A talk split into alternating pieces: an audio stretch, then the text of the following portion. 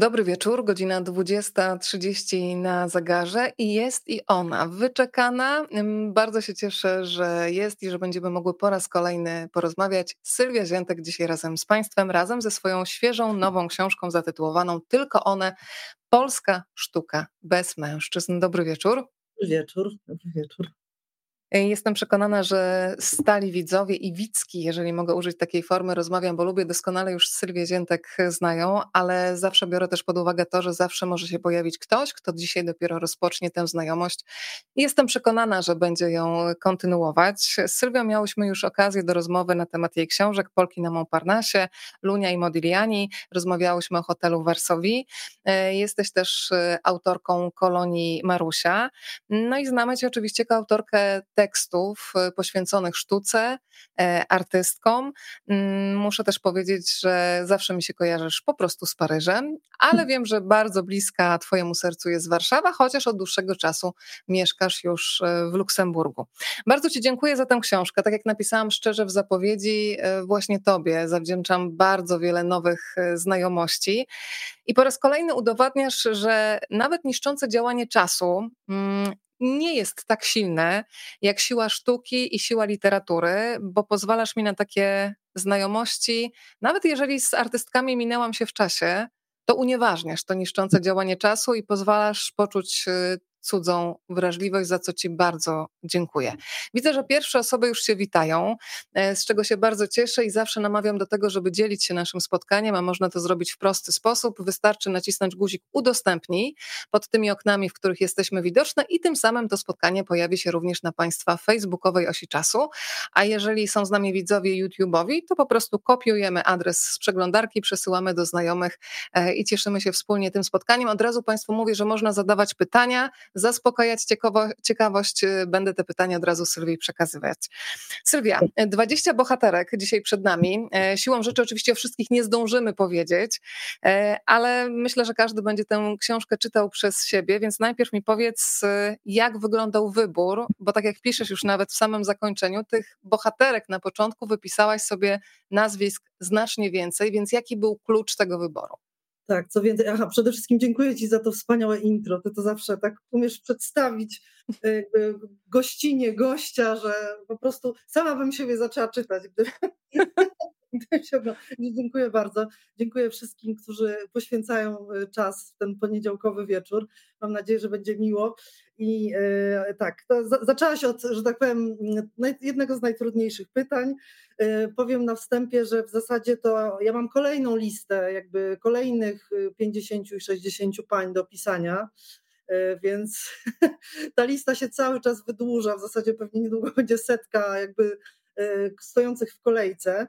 E, jak ja dobierałam te bohaterki, to tak naprawdę ten klucz nie był prosty, bo oczywiście chciałam napisać o bardzo wielu, ale e, po pierwsze, książka ma jakieś ograniczenia, jeśli chodzi o gabaryty. Ta i tak jest, no, że tak powiem, całkiem, całkiem wyszła. Nawet nie zdawałam sobie sprawy pisząc, bo kiedy człowiek operuje jakby stronami w, w Wordzie, no to nie do końca umie to przełożyć na nawet przy tak wielu książkach, które napisałam, no to jest cegła. Natomiast y, mm, y, dlaczego tych pań jest 20?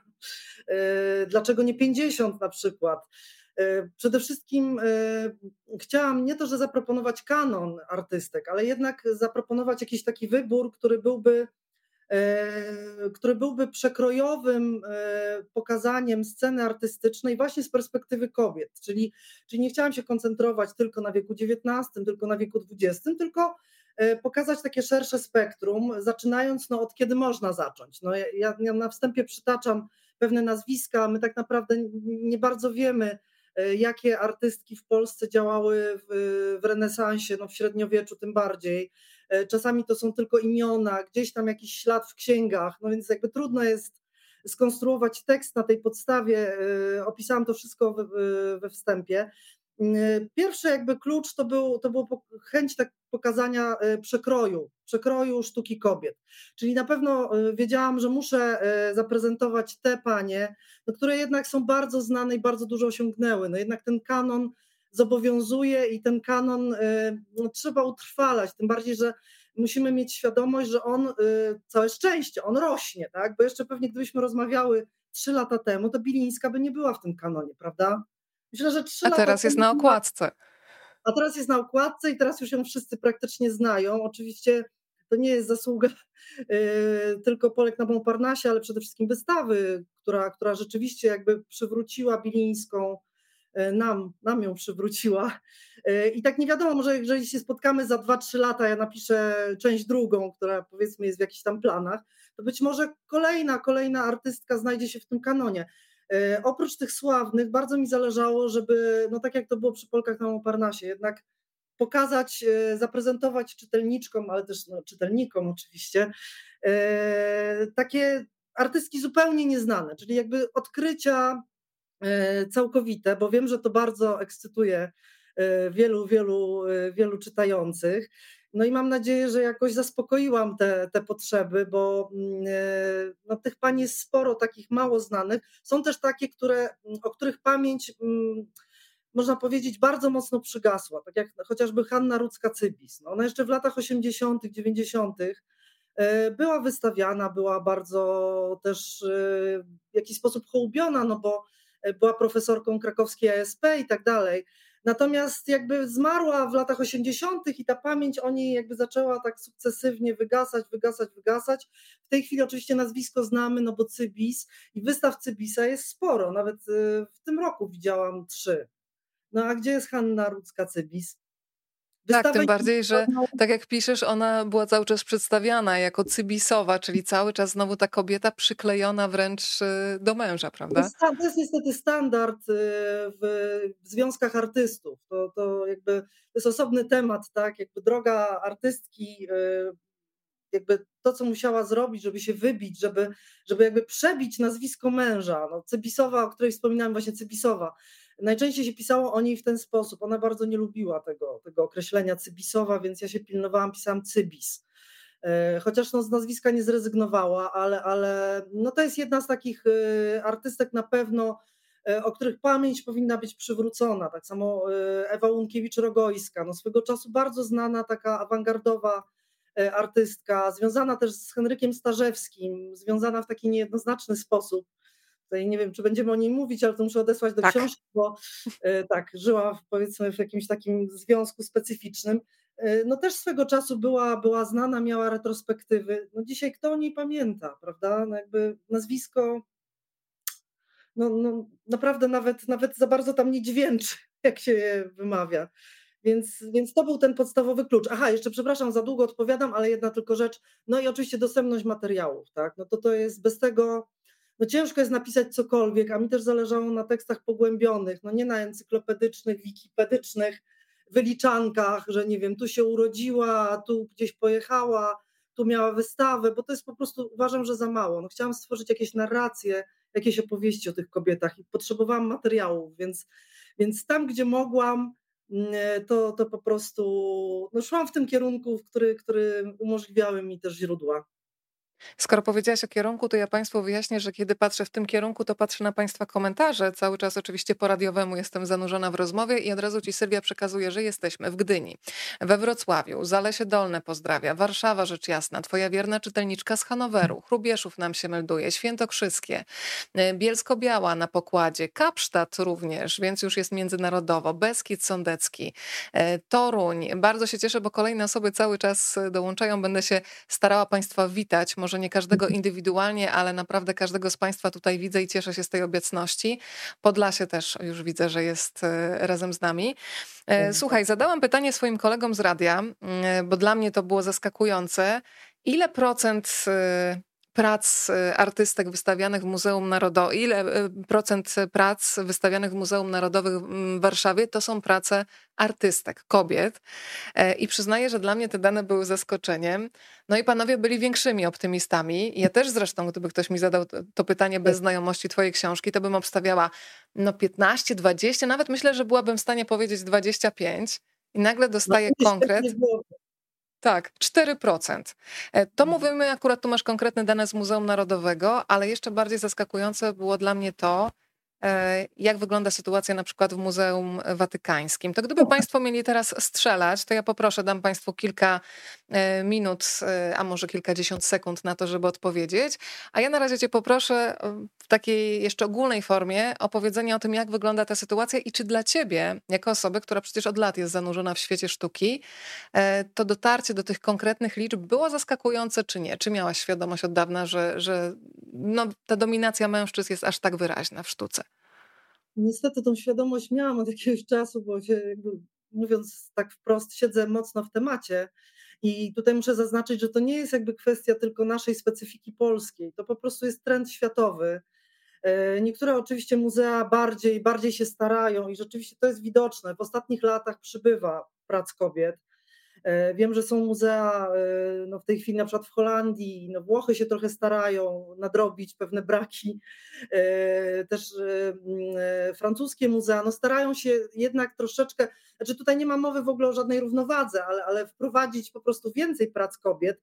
No ale, ale praktycznie we wszystkich tych wielkich muzeach światowych, europejskich, no to jest właśnie tego typu sytuacja.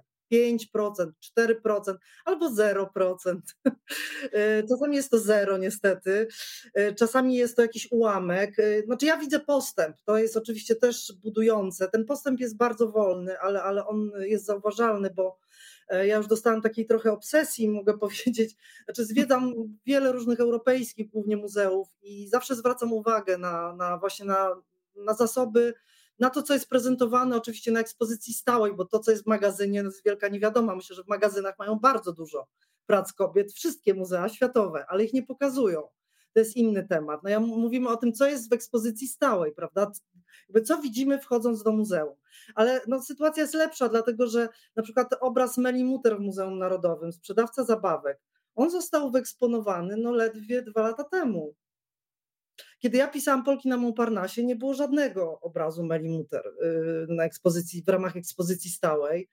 Więc jakby ten progres jest i to tak samo obserwuję, czy w National Gallery w Londynie, no też widać, widać rzeczywiście, że coraz więcej y, muzea dorzucają, ale, ale statystyki są niestety smutne, bo y, ciągle muzea kupują bardzo mało prac kobiet. Znaczy jest ogromna dysproporcja między zakupami muzealnymi E, prac wykonanych przez mężczyzn i prac wykonanych przez kobiety. Te prace kobiece wciąż mają dużo, dużo niższą wartość. I tak jak nam się oczy otwierają, patrzę, Łępicka sprzedana za ostatnio, tak, za tam tak. 80 e, milionów czy 70 ileś, no nam się wydaje to suma kosmiczna, no ale, ale no, pracę mężczyzn, to, to jest, to mówimy o sumach 100 y, tysięcy, 100 y, przepraszam, milionów, tak? Więc jakby ta dysproporcja jest naprawdę, e, naprawdę ogromna i, i mówimy y, o, o dużych, dużych różnicach. Ja myślę, że jeszcze minie wiele, wiele lat, zanim w ogóle dojdziemy do, do tego poziomu, dojdziemy my kobiety, do tego poziomu porównywalnego i w ogóle no, będącego na, na, tak, na, na, takim, e, na takim poziomie jak, jak praca mężczyzn. No ale idziemy, no, brniemy w to. Krok po kroku, tak, y, zmiana zaczyna się od najmniejszego kroku. Państwo tutaj y, próbują sobie poradzić z tą zagadką Muzeum Watykańskie i eksponowane dzieła kobiet, ponieważ tutaj tak mocno zasugerowałam, to pojawiły się takie odpowiedzi 0,1, 1, 0,5, ale pan Erek też, y, który swoją drogą zaprzecza, bo ktoś napisał, ale tutaj 100% kobiet. Nie, pan Erek i myślę, że nie tylko pan Erek, zaraz będę wyszukiwać tutaj mężczyzn, ale jednak w takim rodzynkowym gronie. A może ten Watykan to było pytanie podchwytliwe i na przykład się okaże, że 17, no to już zaspokajamy no. ciekawość. No niestety przykro to powiedzieć, no ale, ale zero, no zero.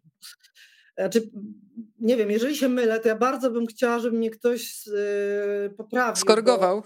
Byłam w zeszłym roku yy, w Rzymie i, i, no i tak, tak wyglądała sytuacja. Nie wiem, może przez ten rok powiesili tam jakąś Sofonsibę, czy Sofonisibę, czy, czy Artemizję, no nie, nie wiem, no bardzo bym chciała, ale, ale przynajmniej e, z moich ostatnich doświadczeń e, wynika, że to, że to po prostu było, było 0% e, kobiet i też mi tak donosiła przyjaciółka, która odwiedzała to, to muzeum, więc jeżeli ktoś ma inne, inne doświadczenia, może zrobił jakieś zdjęcie, to ja jestem bardzo, bardzo chętna żeby. Oczywiście muzea się tym nie chwalą specjalnie. Znaczy, kiedy wejdziemy na stronę muzeum, jest bardzo ciężko wyszukać sobie informacje właśnie, a ile jest procent prac kobiet, a jakie są prace kobiet. No muzea przecież nie podają takich informacji. Tym bardziej, że też te ekspozycje są zmieniane. To jest tak, że że one są w niektórych placówkach naprawdę często wymieniane. Na pewno magazyny są pełne bardzo, bardzo wielu ciekawych rzeczy. I, no i to jest pytanie, dlaczego, dlaczego to wszystko leży w magazynach?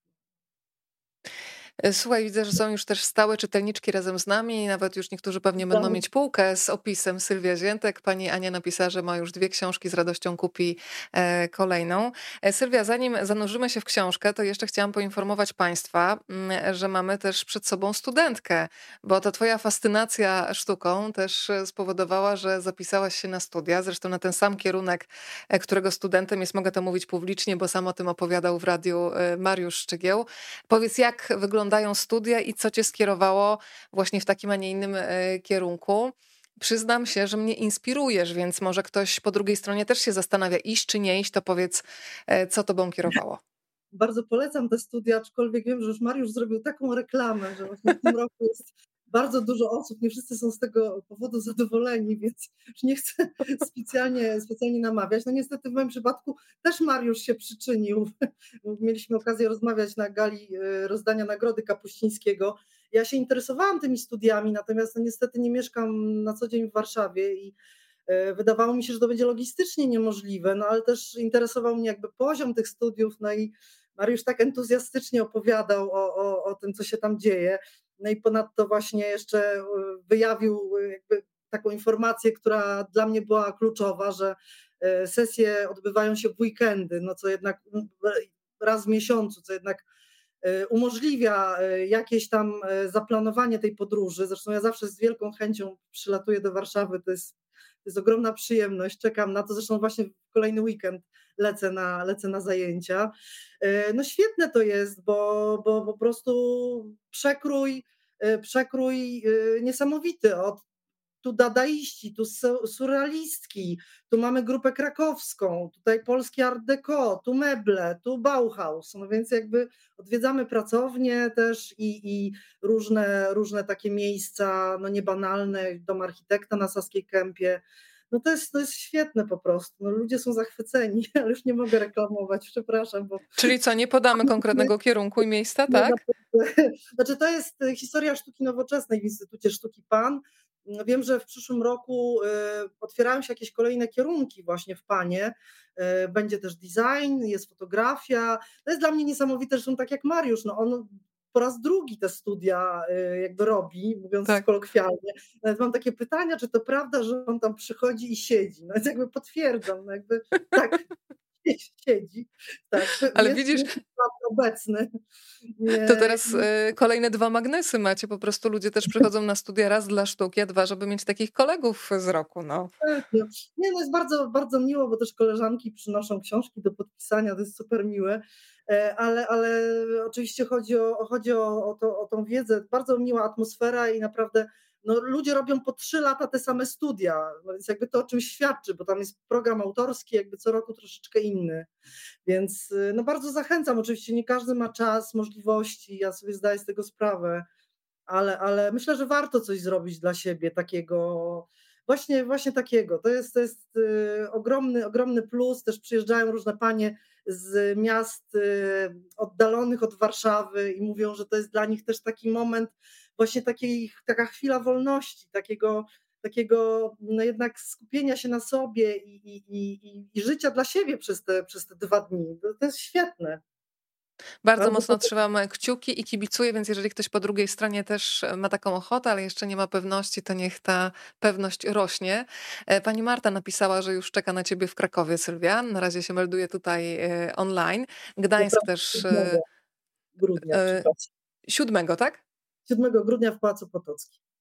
Drodzy Państwo, to ja otwieram książkę i zacznę od pana, który mnie bardzo zirytował, Roman Mierzyński niejaki. E, powiedzmy trochę o panu Romanie i jeszcze słówko o kobiecie, cytujesz taki fragment. Małżeństwo to jedyny zawód kobiecy, jest i będzie zawsze coś, czego kobieta nie dosięgnie nigdy, a tym jest mózg mężczyzny. Najpośledniejszy mężczyzna przenosi kobietę, by najwyżej nauczoną o wysokość swojego czoła – A każdy kraj, w którym kobiety zajmują się naukami lub zadaniami społecznymi, znajduje się w stanie śmiertelnego rozkładu. No na szczęście żadna z Twoich bohaterek, jestem przekonana, że żadna z nas, które dzisiaj tutaj jesteśmy wspólnie podczas tej rozmowy, e, nie marzyła o umysłowości pana Romana Bierzyńskiego, ale powiedzmy trochę o tym człowieku i na ile on w takich opiniach był w, pod koniec XIX wieku, bo to jest akurat wypowiedź z 1878 roku odosobniony, e, czy była to opinia, która dominowała wówczas? Nie, no to był standard, tak? Ten pan, jakby dziennikarz, jakby też e, pisarz, który, który udzielał się w prasie polskiej, znaczy polskiej, no polskiej wtedy nie było, no mówię to w cudzysłowie. Tak. Natomiast to była opinia absolutnie jakby powszechna, to znaczy nawet dzisiaj przecież niektórzy politycy zwłaszcza, no przecież twierdzą, że mamy mniejsze mózgi, nie tak zdolne i generalnie no jakby y, sprzątanie i gotowanie jest, jest jakby kresem naszych, naszych możliwości, tudzież no, jakieś czynności fizjologiczne. Natomiast y, to była opinia absolutnie jakby ugruntowana na tamte czasy naukowo, można powiedzieć, tak? E, I, i więc, więc pojawianie się tego typu wypowiedzi w gazetach to był po prostu standard. I teraz ja to skontruję Boznańską, to co powiedział ten pan, bo Boznańska na to małżeństwo to okrucieństwo zadawane kobietom. Więc mamy tutaj zderzenie tak. jakby dwóch, dwóch światów, dwóch sposobów myślenia. Znaczy to, co jakby wynika z tej wypowiedzi, to dla mnie to też było bardzo takie mm, to było takie mocne, mm, e, mocny impuls dla zrozumienia e, ogromnej determinacji tych kobiet, które w XIX wieku jednak, jednak chciały, chciały wkroczyć na profesjonalny rynek sztuki. No bo proszę sobie wyobrazić, no nie dość, że e, nie ma się gdzie uczyć, tak? No bo nie przyjmują na uczelnię. E, no jakby lekcje prywatne, no to można sobie u Matejki ewentualnie wziąć w Krakowie, który, który nie znosił kobiet i uważał, że, że generalnie jakby one się nie nadają do, do sztuki, no jakby właśnie e, jedynie czynności te stricte domowe powinny być przez nie praktykowane. No można oczywiście wyjechać za granicę, ale to kosztuje fortunę i trzeba mieć jeszcze zgodę tatusia, pieniądze od tatusia i wsparcie rodziny, żeby to zrobić. No to jeszcze nie dość, że jest tak strasznie ciężko, że nie można malować, rysować żywego modela, no bo przecież to nie przystoi, żeby kobieta siedziała i się wpatrywała w jakiegoś obcego chłopa, tak? To jest, to jest niemożliwe. To jest niemoralne i zepsuje jej jakby szansę na rynku matrymonialnym. No to oprócz tego no jeszcze, jeszcze słyszy, czyta, że mam za mały mózg, że się nie nadaje, że generalnie jakby małżeństwo to jest w ogóle no, szczyt jej szczęścia, możliwości i, i, powinna, powinna się jakby skupić na tym. No więc wyobraźmy sobie w tej sytuacji, tak, yy, no ile trzeba było mieć jednak wiary w swoje możliwości, żeby pomyśleć, tak jak taka poznańska, jak Bilińska, Dulębianka, no możemy też wymieniać trochę tych pań, że one jednak y, no jakby nie dawały wiary w to. Znaczy Bilińska była na przykład świetna, ona, ona absolutnie nigdy nie miała żadnych kompleksów i nigdy nie, przypuszczam, że nie przyszło, nie przyszło jej do głowy, żeby pomyśleć, że ona nie może zrobić tego, co robi mężczyzna. Jakby, a dlaczego nie? Jakby jakby z czego to niby wynika, jakby, że ona ma mniejszy mózg, no przecież rozmawiała z różnymi mężczyznami zapewne widziała, że jakoś specjalnie no, nie odstaje pod kątem y, inteligencji, tudzież y, możliwości konwersacji i tak dalej.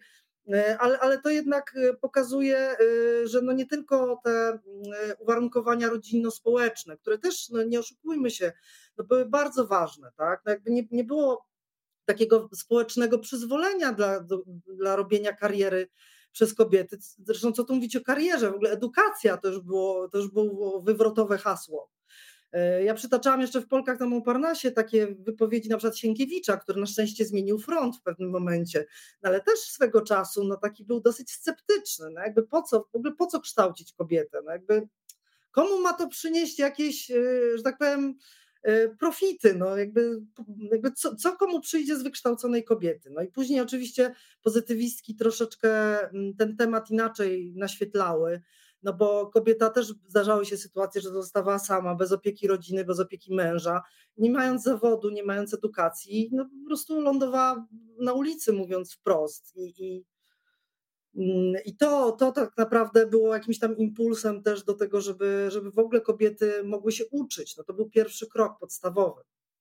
Powiem ci, że bardzo dużo dzisiaj jeszcze myślałam też o wszystkich twoich bohaterkach, które opisujesz. One pochodzą z różnych światów. Y, część z nich ma wsparcie rodziny, część y, musi jeszcze więcej wysiłku włożyć w to, żeby wykonywać ten zawód, która sobie wymarzyła, ale bez wątpienia wszystkie te kobiety łączy taka sama świadomość, rozpoznanie talentu, czyli to przekonanie, że ja wiem, co jest moją siłą, wiem, co potrafię robić, a potem taka naprawdę konsekwencja, aby osiągnąć sukces. E, dzisiaj też myślałam o takim temacie, który we mnie najmocniej zagrał. E, to zanim przejdę do kolejnych artystek, to powiem Ci, że nie mogę przestać myśleć o tych złamanych życiorysach ich dzieci.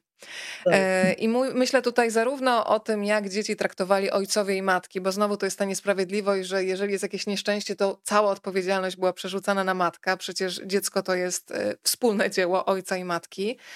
Ale powiem ci, że w zasadzie dzisiaj sobie przestudiowałam jeszcze raz wszystkie twoje bohaterki i tam w zasadzie chyba jest jedna taka historia, która się broni, gdzie dziecko no, było chyba przyjęte, oczekiwane i takie zaopiekowane. A w pozostałych historiach no, widzę, że te dzieciaki przegra, przegrywały ze sztuką, że ta sztuka okazywała się bardzo okrutna i w wielu momentach bezkonkurencyjna. I zastanawiałam się nad tym, ile z tych kobiet siłą trochę takich schematów, zresztą do dzisiaj przecież te schematy są, nawet niedawno rozmawiałam z Justyną Dżubik-Kluga na temat jej książki Bezdzietne i wiele mhm. kobiet mówiło, że wchodziły siłą rozpędu na przykład w rolę matki, bo zawsze tak było i na przykład tak. zaczynały się zastanawiać, czy to jest ich droga, czy nie, w momencie, kiedy na przykład życie powiedziało, że to nie jest takie proste, i wtedy decydowały, czy będą jeszcze o to dziecko walczyć, czy nie. Więc ile kobiet chodziło w tę rolę matki, bo tak było, już też nie mówię o niedostępności antykoncepcji, co też jest bardzo istotne, e, a ile z nich e, miało takie marzenie, ale potem to marzenie było nie do pogodzenia z tym, co je jeszcze bardziej ciągnęło, czyli e, myślę tutaj o sztuce. Tak, no to były ogromne dylematy. To nawet już y, zaczynając od. Znaczy w zasadzie to nie mogę zacząć od Bilińskiej, bo chciałam jeszcze powiedzieć kilka słów o tej bohaterce wcześniejszej, tak. e, takiej, która, która wiele zdziałała, zrobiła wielką karierę w czasach romantyzmu, czyli Elizabeth e, Jerichau Bauman, czyli Elżbieta Baumanowa, jak o niej e, pisała polska prasa. No ona urodziła dziewięcioro dzieci. Y, nie, nie wszystkie jakby do, przeżyły do dorosłości, ale generalnie no miała siódemkę do, do wychowania. E, I oczywiście w tamtych czasach, no tak jak wspomniałaś, no nie było antykoncepcji, nie było opcji planowania. Mąż właśnie Elżbiety Bauman, ona była urodzona w Warszawie, tutaj tylko takich kilka słów wyjaśnienia, bo jej nazwisko brzmi bardzo tak zagranicznie. Tak. Ona, była, ona się urodziła w Warszawie, bardzo mocno przeżyła powstanie listopadowe. Później została żoną Duńczyka, e, duńskiego rzeźbiarza, takiego znanego, który był też profesorem e, Akademii Sztuk Pięknych w Kopenhadze z nim miała te, te wszystkie dzieci, była w nim bardzo, bardzo mocno zakochana. No, no to było z jej strony takie silne, silne uczucie, e, z którego nie umiała się uwolnić, mimo że ten mąż no, nie był dla niej specjalnie miły, no to też jest już takie stwierdzenie e, łagodne. Eufemistyczne. No on, on, jako rzeźbiarz, to jest właśnie niesamowite, że on jako rzeźbiarz no, był absolutnie nastawiony na karierę. Od początku w ogóle mówił, że on, on się nie nadaje do małżeństwa, a w ogóle artysta nie powinien się żenić. To jest w ogóle też mantra powtarzana przez bardzo wielu panów. Ja nawet ostatnio mocno się zagłębiłam w biografię Marka Rotko, no to przecież malarz y, abstrakcjonista dwudziestowieczny. On tak samo jakby, ale to mu nie przeszkadzało, że miał dwie żony, prawda? Jakby miał dwójkę dzieci, ale, ale zwykle jest to podejście, y, artysta nie powinien się żenić, dzieci nie są dla niego, no tylko, że jakby natura jest naturą, no w tamtych czasach nie można było tego regulować zbytnio. No i biedna Elżbieta, no, która jakby też niby nie chciała mieć dzieci, bo chciała malować, przynajmniej na początku chciała, chciała e, wejść na ten rynek sztuki. No okazało się bardzo szybko, że jest w ciąży, bała mu się nawet powiedzieć, przyznać się. To też jakby pokazuje, prawda, jakby jakie, jak, jakie, jakie panowały stosunki między małżonkami. No ona z przerażeniem w końcu mu wyznała, no on powiedział, no skoro Bóg tak chciał, no to, no to trudno. No i tak, y, mimo że małżeństwo było burzliwe, no to tak dziewięć razy jakby y, niestety no tak wychodziło, że, że te dzieci się rodziły. Y, I widać po jakby życiorysie Baumanowej, że to pogodzenie pracy, pracy artystki z wychowywaniem dzieci w zasadzie, no, w zasadzie nie, nie było możliwe. To znaczy, przy takiej gromadce, przy, przy braku, braku jakiegoś wsparcia ze strony właśnie ojca tych dzieci, więc więc te, ta, tej córki, synowie, e, oni też dorośli, byli tacy pokaleczeni e, mocno życiowo. E, kilku z nich E, kilkoro z nich chciało pójść w ślady matki i też, też tą karierę malarską e, zrobić, ale to średnio wychodziło. Na pewno nie przebili e, Elżbiety Bauman, która była przyjaciółką Andersena, ona malowała głowy koronowane. No, zrobiła naprawdę ogromną karierę w XIX wieku, ale to pokazuje to, co powiedziałaś, że, że, że te życiorysy dzieci były bardzo smutne, to znaczy nie mieli tak naprawdę ani ojca, bo ojciec był zajęty cały czas sztuką. Oczywiście w ogóle udział ojców tamtych czasach w wychowaniu był, no um, jakby wiemy o tym, że był bardzo, bardzo ograniczony, no ale matki tym bardziej nie mieli, bo ona musiała zarabiać w ogóle na ten cały dom, bo mąż rzeźbił tylko wysoką sztukę. On się nie zniżał do takich prac stricte zarobkowych. To też jest taka specyfika bardzo często mm, artystek, że to one musiały jakby zarabiać pieniądze na dom, no bo mężczyzna był od sztuki wysokiej. No i Elżbieta Bauman jeździła po całej Europie, naprawdę, ona była cały czas w podróży. Tu Londyn, tu Egipt, Turcja, gdzie ona nie była po prostu, no tylko za ocean się nie wyprawiła. No ale w zasadzie ty, ty nie, nie miała kontaktu z dziećmi. I tak przechodząc, jakby możemy każdą z tych pań analizować pod tym kątem. Ja się też nad tym zastanawiałam, czy, czy w ogóle w tych historiach była taka mm, sytuacja, kiedy to dziecko pary było takie bardzo, bardzo chciane, bardzo zaopiekowane i, i kiedy się udało rzeczywiście pogodzić y, rolę artystki z rolą matki. W zasadzie przychodzi mi do głowy, przychodzą no może dwa, takie troszeczkę naciągane, już ten drugi trochę naciągany, ale mm, y, Małgorzata Łada Maciągowa. To, to była taka malarka, która zdobyła rozpoznawalność i sławę w między międzywojniu, y, przed II wojną światową. Y, to była jeszcze uczennica Malczewskiego, y, też kształciła się w Paryżu. No i miała męża, miała męża pułkownika Wojska Polskiego, który był bardzo nietypowy, jeśli chodzi o relacje ówczesne, ponieważ on naprawdę wspierał żonę. To, to nam się to wydaje może przesadne to, co mówię, ale, ale naprawdę nie. Jakby znaleźć takiego męża partnera y, dla artystki w tamtych czasach, to było marzenie. No jakby marzenie ściętej głowy. Stryjeńska ciągle szukała, nigdy nie znalazła takiego, takiego partnera. Mela Muter to samo. Jakby przez, przez większość życia jakby goniła za, za, za, tym, za tym y, wymarzonym partnerem, który no kiedy spotkała powiedzmy kandydata, no to on y, bardzo szybko niestety zmarł ale właśnie Łada Maciągowa y, no, osiągnęła praktycznie wszystko, czyli miała bardzo, bardzo udany związek, y, męża, który ją wspierał, który chciał, żeby malowała, wystawiała, mieli syna, jedno, jedno dziecko y, i, i, tworzyli, no z tego co, co udało mi się wyczytać z materiałów źródłowych, naprawdę tworzyli taką bardzo, bardzo silną, dobrą rodzinę. No, Powiem ale... ci teraz szczerze właśnie, że jak czytałam wszystkie te historie i zatrzymałam się przy Małgorzacie Ładzie Maciągowej, to już miałam takie, jest, w końcu jej się wszystko tak. udaje, no i nie mogę Państwu powiedzieć, co się dzieje później, ale przychodzą takie wydarzenia, od których nie ma odwołania, chociaż no to chyba mogę powiedzieć, bo wojna się przewija w wielu życiorysach, no tak. ale ten cios, który ją spotyka, znowu jest przerażający, czyli nawet jak miały jako kobiety szczęście spotkać tego mężczyznę wspierającego, to znowu ten okrutny los zabierał to, co było dla nich najważniejsze. I, i, i faktycznie ta ich wielka siła do odradzania się też jest, to jest coś niesamowite. Zresztą tak. zauważyłam, że jej obrazy można zobaczyć w Siedlcach, a e, od jakiegoś czasu bywam w okolicy, więc już sobie zaplanowałam dzięki tobie tak, wycieczkę, że zobaczę jej pracę. Tak, tak, koniecznie. E, no oczywiście, no nie wiem, tutaj troszeczkę zdradzę, ale to, to mm, powiedziałaś o wojnie, więc można się domyśleć. No, wojna tak. z reguły była dewastująca, jeśli chodzi o życiorysy tych artystek i tutaj niestety bardzo młody, młody mężczyzna, syn Łady Maciągowej zginął w Katyniu, y, więc nie wiemy tak naprawdę, czy on jako dorosły człowiek, taki y, samodzielny, czy on by się czuł w jakiś sposób pokrzywdzony przez to, czy, czy złamany przez to, że, że matka była malarką. E, no, wiele, wiele, wiele dzieci z tych związków artystycznych, zwłaszcza kiedy dwójka rodziców była artystami, no to, to zresztą ja to powtarzam i jakby nie boję się tego stwierdzenia, nie ma niczego bardziej katastrofalnego w życiu artystki niż mąż czy partner artysta.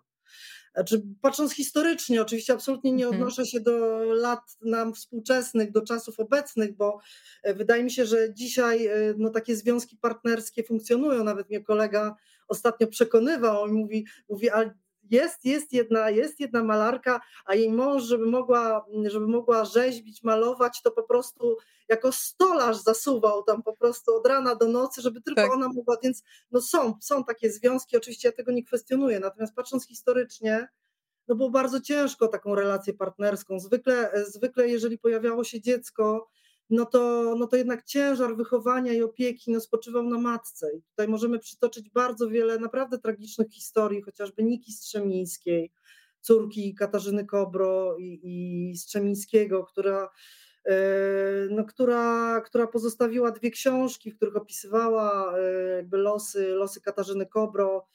E, oczywiście wiem, że to też jest kontrowersyjna pozycja książkowa, bo była pisana przez właśnie dziecko, które, które bardzo by chciało po śmierci matki, jakby żeby jej nazwisko przetrwało, żeby pamięć o niej y, była, mm, była bardziej była bardziej znana i też jakby pisaniu temu przyświecał jakiś tam cel, ale, no ale te opowieści oczywiście to, to każdy z nas słyszał, tak, o tym jak Kobro musiała porąbać swoje drewniane rzeźby, żeby w czasie wojny y, napalić w piecu, bo Strzymiński jej strasznie dokuczał, że nie umie zadbać o dziecko i, nie ma na czym zupy podgrzać, czy, czy po prostu jedzenia. Więc ona w jakimś akcie złości po prostu poświęciła swoje, swoje prace, żeby, żeby ten ogień rozpalić. Y, oczywiście być może to był jakiś akt szału na skutek kłótni, które które bardzo, bardzo były intensywne między małżonkami. Oczywiście też o tym to palenie rzeźb to jest relacja córki, co do której niektórzy mają wątpliwości bardzo duże. No ale to się, to się jakoś utrwaliło i, i, i jest takim przykładem bardzo, bardzo silnym. E, wiele, wiele tego typu bardzo różnych, e, trudnych życiowych e, zmagań, bo często na przykład artystki bardzo chciały mieć dzieci, ale na przykład nie mogły z różnych przyczyn. Na przykład no, Alina Szapocznikow, ona przeszła przez getta, przeszła przez obozy koncentracyjne, była poddawana eksperymentom medycznym. Y, zachorowała y, pod koniec lat 40., zachorowała na taką chorobę mm, kobiecych narządów, no dzisiaj uleczalną, ale wówczas y, tak naprawdę śmiertelną praktycznie we wszystkich przypadkach. Była we Francji leczona eksperymentalnie, więc przeżyła, no ale jakby w konsekwencji nie mogła mieć, nie mogła mieć dzieci, bardzo chciała. No i zaadoptowała, e, zaadoptowali z ówczesnym mężem, e, z Ryszardem Stanisławskim, syna Piotrusia. E, I co jest też niesamowite, że no właśnie ona bardzo chciała być matką, tak? I widać, jakie zdjęcia są cudowne, kiedy ona trzyma tego Piotrusia na rękach, jest tak, miała cudowny uśmiech Alina Szapotnikow, taki bardzo, tak. bardzo energetyczny. I widać to szczęście, jakby obcowania z tym dzieckiem, no ale prawda jest taka, że ona nie miała czasu dla tego syna. Tak? Ale właśnie sobie zapisałam, bo myślimy równolegle, że ona właśnie, tak. zapisałam sobie tą historię adopcji syna Piotra, zresztą on się dowiedział tak. adopcji po śmierci no rodziców właśnie, dopiero jak piszesz. element tej historii, tak. Ale tam jest taki fragment, kiedy ona właśnie, Alina Szapocznikow, czyli to macierzyństwo takie wyczekane, w pewnym momencie mówi coś takiego, artyści pochłonięci pracą nie powinni wikłać się w rodzinę w ogóle. No I, i to jest cały czas ten, ten konflikt pomiędzy potrzebą samotności, takiego stuprocentowego zanurzenia w pracę, a jednocześnie taka chęć zakorzenienia i to jest cały czas takie, e, takie rozdarcie. I rozdarcie, szarpanina i ja oczywiście nie, nie jestem artystką i nigdy nie, nie wiem, no obsesyjnie nie stałam, nie wiem, przez 10 godzin przy sztalugach, nawet przy komputerze może 10 godzin non-stop nie siedziałam, ale jakby no, no wiem, co to znaczy, znaczy wiem, czym jest to rozdarcie, mam trójkę dzieci, naprawdę wiem, ile to, ile to kosztuje i, i, i myślę, że też to jest właśnie taki wątek, z którego jakby my dzisiaj y, możemy dużo czerpać od tych artystek, tak, z tych biografii, opisanych y, w mojej książce, bo na pewnym poziomie te konflikty się nie zmieniły, znaczy konflikty wewnętrzne. Znaczy, oczywiście dzisiaj możemy sobie regulować kwestie y, posiadania dzieci, no poniekąd, tak?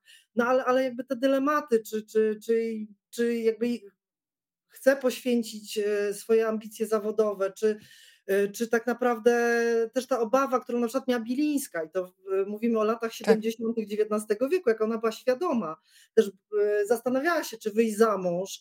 Oczywiście wtedy jakby naturalną konsekwencją za mąż, za mąż pójścia były dzieci. Ona chciała mieć te dzieci, ale myślała bardzo trzeźwo. Jakby a, a, co się stanie, jeżeli ten mąż, ten jakby tradycyjnie nastawiony, jakby będzie ją ograniczał w tym malowaniu, jakby nie, ona nie będzie, będzie mogła poświęcać tyle czasu, ile chce. I, i, i jakby te, te rozterki były bardzo silne w jej przypadku. Natomiast Boznańska w ogóle nie miała z tym problemu, bo ona stwierdziła bardzo szybko, że przepraszam, że jakby w ogóle macierzyństwo i sztuka to są, są rzeczy, których nie można pogodzić. I, i jakby y, przy, przy takim zaangażowaniu w sztukę jest to niemożliwe. Co ciekawe, no dzisiaj na przykład taki pogląd rozpowszechnia y, Marina Abramowicz, tak? bardzo, no jedna z najsłynniejszych artystek żyjących, performerka bardzo, bardzo słynna.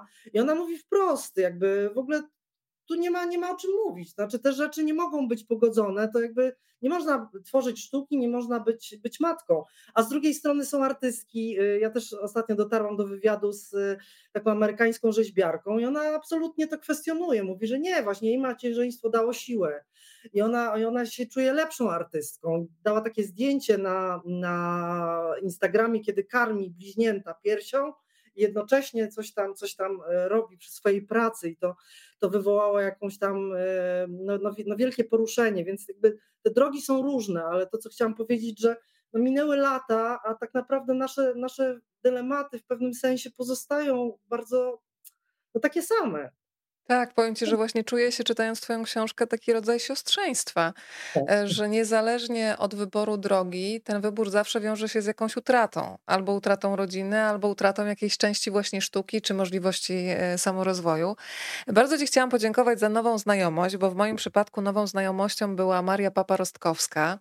E, jakoś mnie fascynuje ta kobieta, która jak piszesz, wtłacza życie w zastygły kamień. I od razu Państwu mówię, o czym mnie poinformowali słuchacze e, Radio Nowy Świat, że w Starej Oranżerii teraz trwa wystawa do 3 grudnia, ale też sprawdziłam, że trwa darmowy listopad w Łazienkach Królewskiej, więc bezpłatnie można wejść na wystawę.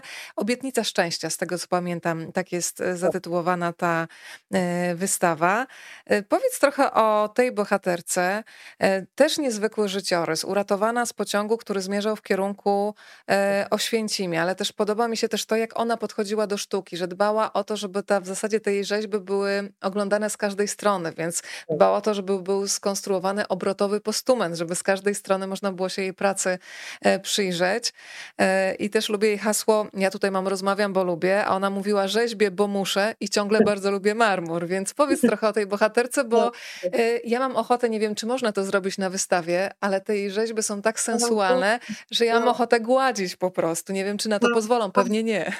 Widziałam jej rzeźby w Orońsku w tym roku. Była, była dosyć duża retrospektywa w Centrum Rzeźby Polskiej i właśnie miałam tę, no, czułam to, co, co jakby, miałam te same odczucia. Znaczy, kiedy zobaczyłam te marmurowe takie cuda, naprawdę no ręce, ręce po prostu, e, no, no, ręce jakby zaczęły żyć własnym życiem i naprawdę miałam tak straszną potrzebę e, dotknięcia tego marmuru, bo te rzeźby są, e, no one są jakieś wręcz nierzeczywiste, one są tak wypolerowane, ja tutaj oczywiście posługuję się taką terminologią mało fachową, ale one są tak tak wykończone, tak gładkie, że to w zasadzie wydaje się niemożliwe, żeby człowiek z bryły kamienia no stworzył coś tak doskonałego, tak obłego, tak, tak, tak lśniącego. Oczywiście każdy marmur jest inny, więc jakby kiedy się przypatrujemy tym kamieniom, tam przebłyskują jakieś srebrne takie e, drobne, drobne iskierki, jakieś drobinki, to srebrne, to złote, żyłki, to, to jest coś bardzo, bardzo sensualnego. Zresztą w ogóle rzeźby marmurowe to jest, to jest absolutnie rzecz e, e, cudowna. E, Maria, cieszę się, że o niej wspomniałaś o Marii Papie, bo Rostkowskiej, bo ona nie jest specjalnie znana w Polsce. Większą karierę zrobiła we Włoszech, gdzie mieszkała przez większość życia, natomiast była związana absolutnie z Polską, walczyła w powstaniu warszawskim, to trzeba podkreślić, i otrzymała krzyż Virtuti, medal Virtuti Militari. Nigdy nie chciała mówić o tych przeżyciach z powstania, ale to, to jakby dotyczyło bardzo wielu tych straumatyzowanych artystek. Y, Magdalena Bakanowicz też specjalnie nigdy nie chciała o tym mówić, Maria Anto też. No, te przeżycia były, no już nie mówiąc o Alinie Szapocznikow, ona praktycznie nigdy, nigdy nie opowiadała o obozach, o, o tym, co przeżyła w getcie. Więc jakby niewiele wiemy, co się działo z Marią Papą Rostkowską ona zawsze to bagatelizowała, mówiła, a miała szczęście, przeżyła. Natomiast no, to, że dostała ten krzyż, no, o czym świadczy. E, dosyć e, szybko wyjechała za granicę, bo kiedy w Polsce w 1955 roku była ta odwilż i, i socrealizm jakby został troszeczkę, roz, no, odszedł, odszedł już w, w niepamięć i, i, wolność artystyczna była dużo większa, no to Maria Papa-Rostkowska bardzo chciała wrócić do Francji. Ona wcześniej przebywała na, na stypendium i oczywiście ten Paryż, no Paryż to jest takie przekleństwo artystów, to po prostu się rzuca, rzuca na głowę. I ona bardzo chciała wrócić i rzeczywiście udało jej się to. W latach 60. znalazła się w Paryżu. No i tam generalnie wydawałoby się, że no życie, miała życie jak w bajce. Mia, jakby e, trafiła na takiego bardzo wpływowego, znanego kolekcjonera, też wydawcę, takiego krytyka sztuki, San Lazaro. To była też taka jakaś postać bardzo barwna, taki bardzo e, takim elegancko ubrany Włoch, który, który no miał niesamowite koneksje, e, wspaniale znał rynek sztuki, wydawał czasopismo, XXe siècle, y, bardzo prestiżowe. No więc wydawało się, że Maria Papa, a jeszcze nie powiedziałam najważniejszego, że ona była malarką. Ona była malarką. W Warszawie, w Polsce malowała. E, natomiast kiedy przyjechała właśnie do, do, do Paryża, e, no już to malarstwo troszeczkę, troszeczkę już mniej ją ekscytowało. Poznała właśnie, wyszła za mąż, to był jej drugi mąż, ten San Lazaro, no i myślała, że podbije Paryż, była piękną kobietą, cieszyła się ogromnym tak. zainteresowaniem. No a tutaj, że tak powiem, mm, niespodzianka, bo mąż, który był taki oświecony i taki znał rynek sztuki, znał Chagala i, i Miro i nie wiadomo kogo, no jakby y, stwierdził, że on sobie nie życzy, żeby, żeby żona zajmowała się sztuką, bo jakby, nie, jakby wystarczająca jej rola to jest chodzenie na wernisaże, do restauracji w Paryżu, e, spotykanie się z artystami, no i towarzyszenie mężowi. No ale życie Marii Papy Rostkowskiej potoczyło się w tak niesamowity sposób, że ona już będąc po 40 trafiła do, kam do kamieniołomów, e, do takich e, miejsc, gdzie się wydobywa e, marmur we Włoszech.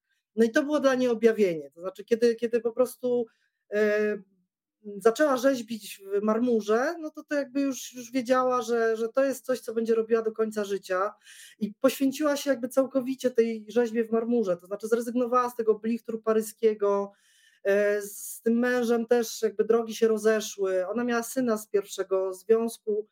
I to może też nie jest taka właśnie bardzo nieszczęśliwa historia e, e, syna artystki, bo ten syn teraz Nikola Rostkowski bardzo, bardzo dba o matki spuściznę i popularyzuje. E, trochę też żyje jakby z tego, co, co mama mu zostawiła. E, mam nadzieję, że nie słucha, ale no tak jest. E, I, i, no, ale to jest właśnie niesamowite, że ta kobieta odkryła marmur już w takim dojrzałym wieku i to jej przyniosło właśnie to niesamowite szczęście. Tak jakby zawsze to podkreślała, że, że jakby sama, sama praca, możliwość, możliwość pracy z tym kamieniem, bardzo ciężkiej, bo marmur jest, jest bardzo trudnym e, surowcem, jakby trudnym materiałem e, artystycznym, ale to, to jakby do późnych, do późnej, do późnej starości dało jej wielkie szczęście.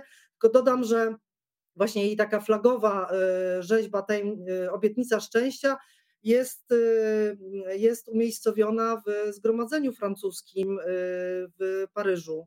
Także takie dosyć dostojne miejsce. Y, I wydaje mi się, że na tej wystawie w Łazienkach można też obietnicę szczęścia w jakimś tam mniejszym wariancie y, obejrzeć. Jest niesamowitą rzeźbą, bo ten marmur w pewnym miejscu jest tak cienki, że po prostu przebija się przez niego światło, więc bardzo, bardzo polecam.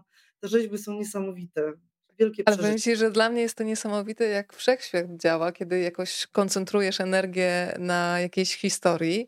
E, ja akurat oranż, starą oranżerię mam naprawdę bardzo blisko teraz domu i sobie myślę, tu jedna pani, tutaj druga w Siedlcach do zobaczenia. Zresztą bardzo dziękuję, bo pani Magda zaprosiła właśnie do Biblioteki Miejskiej w Siedlcach, która jest podobno po sąsiedzku z Muzeum Regionalnym, więc jesteśmy pani Magdo umówione. Masz pozdrowienia moja droga z Bostonu, czyli już jesteśmy za oceanem i pani Iwona też już napisała, że już też ma kilka nowych znajomości. Na pewno je zawrze po tej lekturze, co mnie bardzo cieszy. Słuchaj, wrócę do kobiety, którą już znam z Twoich poprzednich książek, ale dziękuję, że mogłam do niej wrócić i dowiedzieć się jeszcze więcej, czyli do Meli Muter.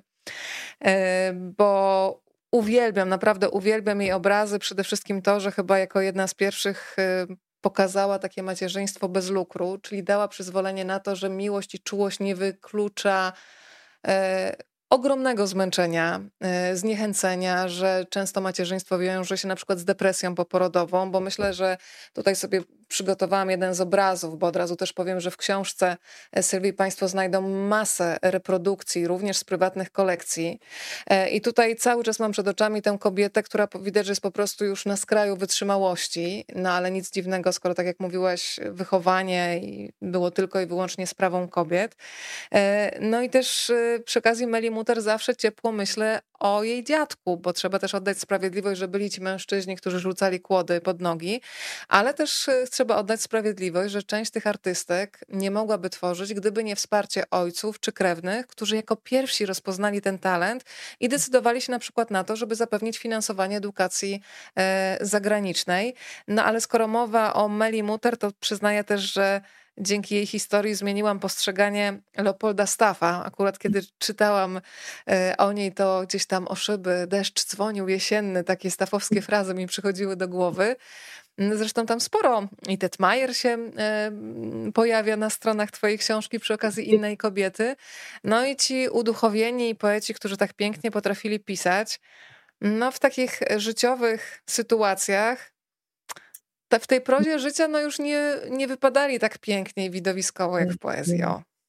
Nie, no Mela Mutter to była kobieta z ogromnym temperamentem. Ona, ona jakby nie brała jeńców, to znaczy ona miała taką ogromną potrzebę intensywności i, i po prostu no jak tak, taka letnia temperatura związku to, to, to, to nie było coś dla niej. E, no, ona była mężatką, no ale, ale to było też takie małżeństwo jeszcze, mm, no jeszcze tradycyjnie zawierane przez swatkę, w Warszawie w, w kręgach żydowskich. Ona brała ślub w synagodze na Tomackie i, i e, no to były tradycyjne rodziny żydowskie, co prawda tak trafiła nieźle, można powiedzieć, no bo Michał Mutermisz, jej, jej mąż, no był takim komunistą, socjalistą, literatem, więc jakby mieli pewne, no i zresztą zgodził się e, też wyjechać do Paryża, co, co było takim dosyć wywrotowym e, życiowym czynem. 1901 rok, i to w sytuacji, kiedy w zasadzie wydaje mi się, że przed Muter nikt tego nie zrobił, żadna też artystka. No ona jakby zabiera do Paryża y, roczne dziecko.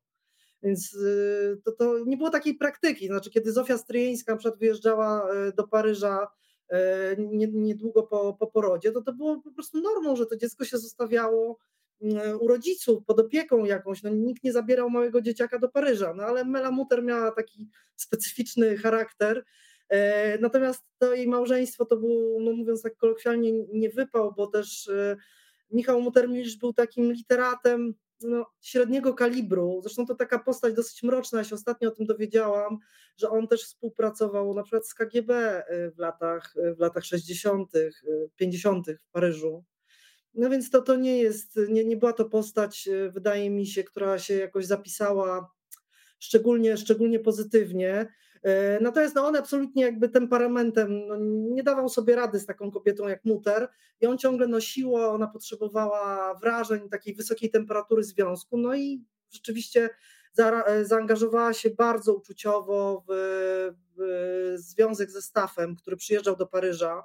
Był taki młody jeszcze poeta, który dopiero startował i on miał oczywiście no, tak naprawdę no, romans z mężatką, no to nie było, starszą jeszcze od siebie, no to nie była jakby dla niego też opcja życiowa. On, on, on chciał robić karierę jako poeta.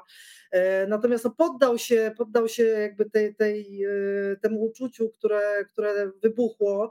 No ale kiedy przyszło co do czego i kiedy Mela Muter jakby no też chciała, e, no chciała konkretnych jakby deklaracji, bo była gotowa zostawić męża, miała też, no, miała też syna, więc, ale była gotowa po prostu e, związać się ze Stafem, e, no to on, mówiąc brzydko, no, zachował się bardzo, bardzo tak e, niedojrzale. To wszystko się działo w Zakopanym. Mela Muter przyjechała do Stafa, no i ten zamiast, zamiast, zamiast się w jakiś sposób zadeklarować, no to poprosił, poprosił o radę swojego przyjaciela Kasprowicza. Prowicza. E, żeby jeszcze tutaj dodać e, e, pikanterii tej sprawie, w Zakopanym pojawił się też mąż Michał Mutermilsz, który ciągle za tą Melą jednak gonił, nie chciał jej, nie chciał jej wypuścić. Rzeczywiście ona miała ciągle wrażenie, że ona jest zamknięta w takiej klatce, z której nie może się wydostać. No więc jakby trzech panów y, postanowiło no jakby podjąć decyzję, co dalej z, ze związkiem Muter i Stafa, więc jakby trzech mężczyzn pochylało się nad, nad, nad losem kobiety, no i podjęto decyzję, a może ja już nie będę mówić, jaką decyzję tak, podjęto. Tak, nie, nie, nie, nie zdradzajmy wszystkiego, Państwo sobie doczytają tę historię na pewno, ale jeżeli chodzi o poetów i takich mężczyzn, którzy sporo mieszali, no to zdarzały się też historie smutne, kiedy zostawały tylko pamiątki po tych mężczyznach w postaci chorób wenerycznych i mhm. myślę, że też warto mieć taką świadomość, bo też wiedza na ten temat w czasach, o których piszesz, była nikła, a konsekwencje odłożone w latach były no, bardzo trudne. E, ja też chciałam Ci podziękować za to, że że w Twojej książce, oprócz takich nazwisk, o których już miałyśmy okazję rozmawiać, czyli oprócz Olgi Boznańskiej, Zofii Stryjeńskiej, e, Katarzyny Kobro, pojawia się na przykład Estera Karp. E, to jest po raz drugi e, dla mnie nowa znajomość. Nie wiem, ile osób z Państwa już y, to nazwisko imię słyszało. Zabierasz nas na początku tego rozdziału do szpitala psychiatrycznego i pokazujesz takie rysunki wykonane długopisem, zwykłym, najprostszym długopisem. Mhm. Jak sama dla siebie odkryłaś Esterę Karp? Bo myślę, że dla osób niewtajemniczonych, niezagłębionych tak mocno w temat sztuki, to będzie nowe nazwisko. Tak, tak. Ja myślę, że Estera Karp to będzie dla wielu osób odkrycie, bo nie dość, że życiorys absolutnie taki fascynujący, niebanalny, no to te prace, jakby ten dorobek ogromny, który ona zostawiła, no jest, jest, jest po prostu fenomenalny. Ja, ja powiem szczerze, troszeczkę z mężem kolekcjonuję e, dzieła sztuki jakby z kręgu École de Paris, ze szkoły paryskiej. Często jakby śledzę aukcje po prostu e, obrazów, które które się tam gdzieś w Paryżu czy, czy w ogóle we Francji toczą. I tak naprawdę poznałam Esterę Karp przez. Zaczęłam od obrazów, bo po prostu, po prostu gdzieś tam zobaczyłam e, obrazy na aukcji. Zresztą tak samo było z Ireną Renault e, przy, e, w przypadku Polek na Montparnasse. Zaczęło się od obrazu, no i potem widzi się obraz, który jest fascynujący, absolutnie niebanalny, właśnie taki powiedzmy na, trochę figuratywny, ale, ale też trochę abstrakcyjny. No i powstaje pytanie, Kim była Esther Karp? Oczywiście Francuzi ją piszą troszeczkę inaczej niż my, no ale zaczęłam, zaczęłam szukać. E, Estera Karp, e, urodzona, urodzona e, w Siedlcach, córka Lipmana Karpa, fotografa, który, który miał siedem córek.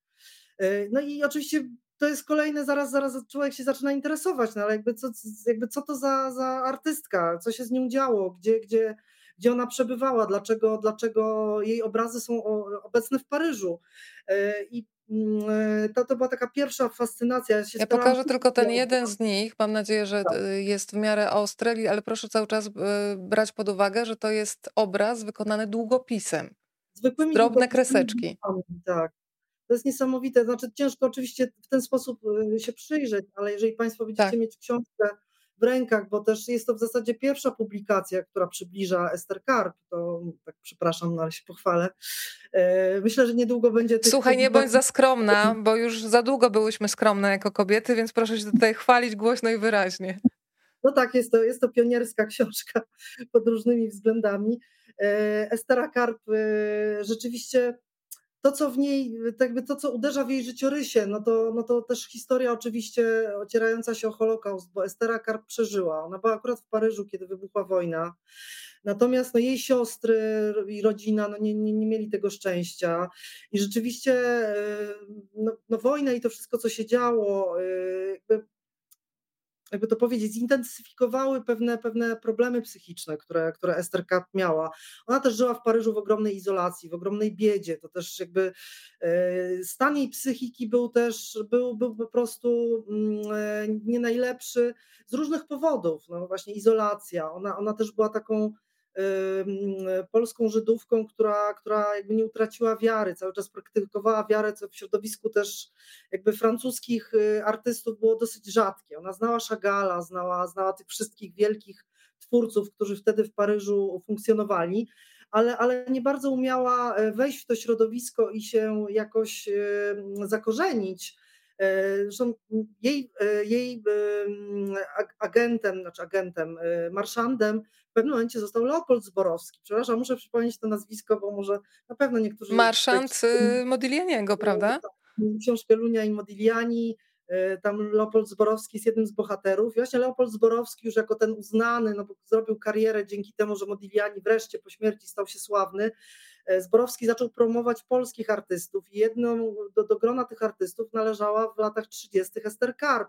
Natomiast no, miała pecha niesamowitego, bo dosłownie e, była organizowana jej wystawa indywidualna, Zborowski zmarł dosyć nagle, więc, więc jakby ta kariera się nie potoczyła wielka bieda y, i, i, i takie, takie problemy jakieś z, mm, no jakby to powiedzieć, ona miała pewne wizje, też to jest niesamowity w ogóle wątek w jej życiorysie, bo ona w 1938 roku miała wizję gazowania Żydów. No to po prostu jak ja to jakby zagłębiałam się w dokumenty, to aż mnie po prostu ciarki przychodziły, bo E, no bo to, to po prostu jest niesamowite. I, i jedna, jedna naukowczyni francuska, której słuchałam wykładu właśnie na temat Esther Carp, bo muszę dodać, że Francuzi w ogóle odkryli Esther Carp i się nią zafascynowali. Muzeum Żydowskie w Paryżu, ale też Biblioteka Polska w Paryżu bardzo, bardzo zaczęła Esther Carp jakby promować. E, I właśnie jedna ta francuska badaczka e, stwierdziła, że w ogóle według niej to Esther Carp została opętana przez Dybuka, E, I tutaj wchodzimy na jakiś taki poziom dosyć ezoteryki. No, nie będziemy w to brnąć, ale, ale naprawdę zachęcam do tej lektury, bo te jej wizje i taki, taki lęk, tak, to co ona, ona antycypowała, no to po prostu jest, jest e, absolutnie niewiarygodne. No, niestety większość życia tego dorosłego we Francji spędziła w szpitalach psychiatrycznych. E, te szpitale poniekąd jakby jej uratowały w ogóle życie, bo to było Tak, bo ty piszesz o tym i to właśnie pokazuje taką uniwersalną historię, że ty tam pokazujesz konkretny życiorys, ale też piszesz o tym, że bardzo często pacjenci pochodzenia żydowskiego w tych e, tak. szpitalach psychiatrycznych byli przechowywani, żeby po prostu zapobiec ich deportacji. Tak, i ona w ten sposób jakby przetrwała wojnę, no ale, ale jej stan się psychiczny pogarszał. Ona też miała, nie odmawiała jedzenia na przykład. Trzeba ją było karmić na siłę. Zresztą ona wykonała kilka rysunków, to jest też niesamowite. Chyba w książce jest jeden rysunek, kiedy właśnie ona tak. przedstawiła e, siebie związaną e, kaftanem bezpieczeństwa, bo trzeba ją było niestety paraliżować. Ona się zachowywała dosyć agresywnie. No i pielęgniarkę, która jej tam po prostu na siłę to jedzenie e, e, pakuje do ust. E, więc bardzo ciężkie przeżycia. W szpitalu w ogóle nikt nie wierzył, że ona jest jakąś tam malarką. Ona mówiła, że ona, ona miała duże sukcesy w latach 30., ona malowała, tutaj École de Paris i tak dalej. W ogóle lekarze się stukali w głowę, myśleli po prostu, no, no kompletnie oszalała, tak. W pewnym momencie ktoś jej tam zaproponował farby, ale, ale Estera Karp nie chciała tak na zawołanie pokazywać, jakby co ona potrafi, odmówiła malowania, więc lekarze byli przekonani, że ona, że ona po prostu konfabuluje. I kiedy zmarła w 1970 roku, już w takim bardzo podeszłym wieku, no to lekarze mieli personel szpitala, bo po prostu pod siennikiem jej szpitalnego łóżka znaleziono no, kilkadziesiąt właśnie tych rysunków wykonanych bikami, takimi zwykłymi, jednorazowymi długopisami. Te rysunki są niezwykłe też dlatego, bo one nawiązują nie tylko do przeszłości Ester Karp, ale do, do, do Tory, do, do w ogóle do historii jakby narodu żydowskiego. Jest bardzo dużo nawiązań religijnych mm, też dużo, dużo takich y, znaków, które, które no w religii żydowskiej y, wiążą się z określoną interpretacją. Ona też e, obsesyjnie ptaki malowała, które w kulturze żydowskiej no też, też mają takie określone konotacje. E, no, przedziwny jakby świat się nagle otworzył przed tymi lekarzami, bardzo tajemniczy, taki, mm, e, taki troszeczkę ezoteryczny, abstrakcyjny. No nawet dwóch psychiatrów napisało artykuł naukowy w latach 70., jakby opisując ten przypadek Estery Karp, bardzo ciekawy tekst. E, większość z tych rysunków niestety zaginęła, ale, ale mm, duża, duża kolekcja jest w posiadaniu e, pana, przepraszam, nie wiem, czy mogę wymienić jego nazwiska, więc nazwisko, więc może nie wymienię. On jest w podziękowaniach w mojej książce, bo ten pan bardzo mi pomógł, też udostępnił zdjęcia. Wiem, że te rysunki będą pokazane na wystawie właśnie w jej rodzinnych w jej, w jej rodzinnym mieście w styczniu. Szykuje się też wystawa w Krakowie. Ja myślę, że Ester Karp y, będzie z roku na rok coraz bardziej, bardziej się zakorzeniać w polskiej historii sztuki i no myślę, że może za 2-3 lata już w ogóle większość z nas będzie wiedziała, kim jest Esther Carr. Bardzo bym chciała, żeby tak było. Bardzo Ci dziękuję za to, że, że przywracasz cały czas pamięć. Przekazuję Ci jeszcze dobre myśli od y, Kasi Włodkowskiej. Kasię no, Włodkowską Państwo pewnie doskonale znają. E, fantastyczna dziennikarka, autorka książki na oczach wszystkich, o której mm, też e, mieliśmy okazję, miałyśmy okazję tutaj e, rozmawiać. Więc cieszę się, że również autorzy razem z nami są, autorzy, czytelnicy. Drodzy Państwo, jeżeli są pytania, to proszę się czuć tutaj swobodnie i je zadawać. Dziękuję za wszystkie tutaj namiary, gdzie Państwo z nami są. Nie niezależnie od odległości jesteśmy dzisiaj emocjonalnie blisko. Jeżeli są pytania, to proszę śmiało e, pisać. Ja jeszcze bym chciała, żebyśmy trochę porozmawiały o tym takim nietypowym trójkącie, który już tutaj gdzieś przemknął e, między słowami, czyli Maria Łunkiewicz-Rogojska, e, nazywana Mewą, zresztą bardzo, bardzo fajny pseudonim, będący takim skrótem od tego imienia mm, i nazwiska. No i tam się pojawia i Henryk Starzewski, i pojawia się mąż Jan. No ale też bardzo ciekawe konotacje rodzinne. Ja na przykład przyznaję, że nie miałam pojęcia, że święty brat Albert, który, o którym się tak. mówi bardzo dużo i który istnieje w świadomości, był jej wujkiem, ale zanim e, doczekał się tej świętości i zamienił swoje życie w takie życie społecznika, to był też malarzem, który odnosił sukcesy w tym takim swoim monachijskim etapie życia. To też jest gdzieś, po, ja lubię takie momenty, kiedy ty zarzucasz wędkę, czyli cały czas jesteś skupiona na głównej bohaterce, ale jednocześnie możemy skręcać z tobą w takie ścieżki, które powodują, że cały czas ta ciekawość pracuje i człowiek zaczyna sprawdzać. No, to też jest dla mnie fascynujące. Ja muszę powiedzieć, że byłam dwa tygodnie temu w Krakowie, przechodziłam gdzieś na Kazimierzu, y, ulicą chyba Krakowską i widzę tablicę właśnie.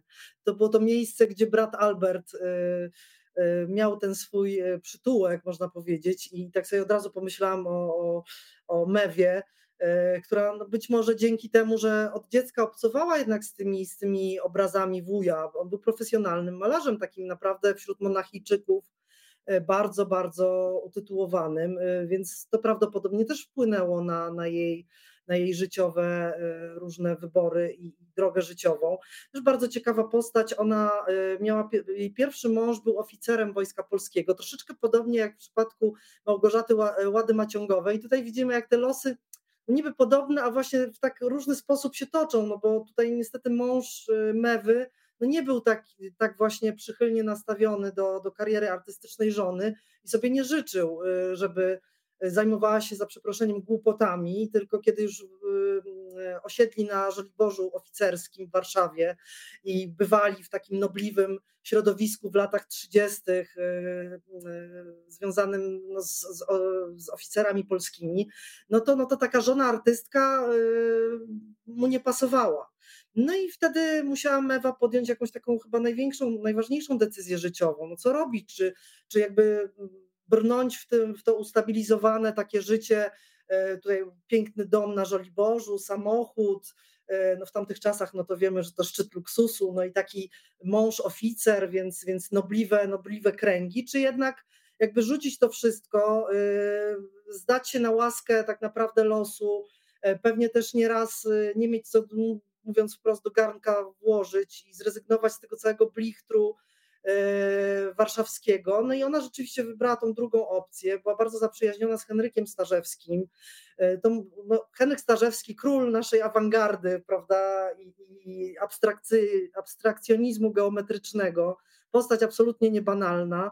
No ale ja też się spotkałam z takimi opowieściami a propos Mewy, że ich połączyła miłość i tak dalej. No nie, bo Henryk Starzewski e, ja nie jestem w stanie się wypowiedzieć, czy, czy on miał orientację homoseksualną, czy był, czy był aseksualny, ale to na pewno nie były tego typu, no jakby ten związek między nim a Mewą był, był, jednak opierał się na czym innym. To była jakaś taka bardzo głęboka przyjaźń, bardzo głęboka zażyłość, e, no ale na tyle głęboka, że oni zamieszkali razem. Właśnie Mewa rzuciła męża, zamieszkali razem, zaraz wybuchła wojna, więc jak to praktycznie w każdym przypadku ta wojna bardzo mocno namieszała, mówiąc wprost, w tych życiorysach, ale po wojnie, kiedy życie zaczęło wracać i też życie artystyczne jakby odbudowywać, no to E, to było niesamowite, co się wydarzyło, bo no Warszawa była taką trochę pustynią, jeśli chodzi o wolną sztukę. Panował socrealizm i w zasadzie no, ci artyści, którzy chcieli funkcjonować, dostawać zlecenia i, i po prostu żyć ze sztuki, no musieli działać w tych trybach socrealistycznych i, i rzeźbić robotników, tak, przodowników e, i tak dalej. Natomiast Mewa nigdy, nigdy jakby nie, nie, posz, nie, nigdy nie flirtowała z socrealizmem, bardziej Henryk Starzewski i oni stanowili taki zręb e, no, awangardy, e, awangardy warszawskiej. E, Mewa w tym czasie wyszła za mąż, to też trzeba powiedzieć, że trafił jej się bardzo, bardzo, bardzo taki miły, no to też jest złe określenie, no po prostu dobry, dobry partner, który był inżynierem, czyli w ogóle jakby nie zajmował się sztuką, co, co chyba jest dobrą, dobrą opcją, mi się wydaje, w przypadku, w przypadku artystek. E, Jan Rogojski był takim spokojnym człowiekiem, skoncentrowanym właśnie na wspieraniu żony, uwielbiał pielęgnować kwiaty, miał swoją pracę, e, no i zamieszkali we trójkę, razem na Pięknej, z Henrykiem Starzewskim, E, stworzyli taki salon awangardowy, e, no, w którym między innymi jakby mm, e, uczyła się też podejścia do sztuki Magdalena Abakanowicz. No, ona właśnie poznała Mewę, Mewę na wycieczce do, do Rzymu. Później Mewa ją wprowadziła do tego swojego mieszkania, do, do właśnie tych kręgów ze Starzewskim, więc, więc była to niesamowita historia. Bywał tam Miron Bioszewski, który lubił plotkować i czasami pisał takie dosyć niesamowite rzeczy, więc y, świetnie opisywał to, to, to trio, dosyć egzotyczne. To jakby zachęcam, ja też jakby opisuję, opisuję ten związek. No przedziwny, no przedziwny, bo jakby z jednej strony y, no, no wspierali się bardzo mocno. Też e, Starzewski bywał na wystawach e, Ewy Łunkiewicz, kiedy miała wystawy w Krzysztoforach w Krakowie, zawsze był obok. Ona troszeczkę w jego cieniu funkcjonowała, no ale po 60 odkryła abstrakcję taką E, zupełnie, zupełnie, mm, e, zupełnie coś, było to coś nowego. E, więc świetna historia. Znaczy w ogóle nie chcę, żeby to zabrzmiało kontrowersyjnie, ale z moich badań wynika, że trójkąty są bardzo korzystne dla artystek. Ale powiem ci, że właśnie też mi się podoba to, że piszesz, że żyli w taki sposób zgodnie przez 20 lat, chyba nawet ponad 20 lat. E, I to była kwestia umowy. Tam wszyscy się na ten układ zgadzali, bo dużo bardziej oczywiście na pewno były tam też były przeróżne szarpiące historie, kiedy to ona lub on proponowali trójkąt, a ta jedna ze stron powiedziała w życiu i, i, i też no. ucinała. A tutaj to była taka wspólna, wspólna zgoda na, na ten rodzaj życia i, i widać, że oni się wspierali. Zresztą dla mnie, nie wiem, czy nie zdradzę za dużo, ale też piszesz o historii pomnika i, i tego, jak wygląda dzisiaj grup. E, więc wszystkiego Państwu nie powiem, trzeba doczytać, ale, ale jest coś takiego bardzo ujmującego w tym życiu. Powiem Ci, że cała ta trójka była mi jakoś bardzo bliska. E, zapytam Cię, pojawiają się już pierwsze pytania, więc za chwilę je zacznę przekazywać, ale jeszcze teraz e, spojrzałam na swoją listę i Erna Rosenstein to jest chyba też przykład taki, gdzie to macierzyństwo było spełnione, mam tak. wrażenie, i gdzie to, gdzie dziecko, myślę tutaj o panu Adamie, było zaopiekowane i też chyba przejęło trochę z takich społecznikowskich zachowań mamy, ale zapamiętałam z tej historii Erny Rosenstein, że jako mama po pierwsze pisała dla swojego syna wiersze, a kiedy były bale przebierańców, to piszesz o tym, że projektowała też specjalne kostiumy i te bajki zresztą zostały wydane tak. niedawno, rok temu, Poławiacze tak, Cieni, prawda? Bajki, tak.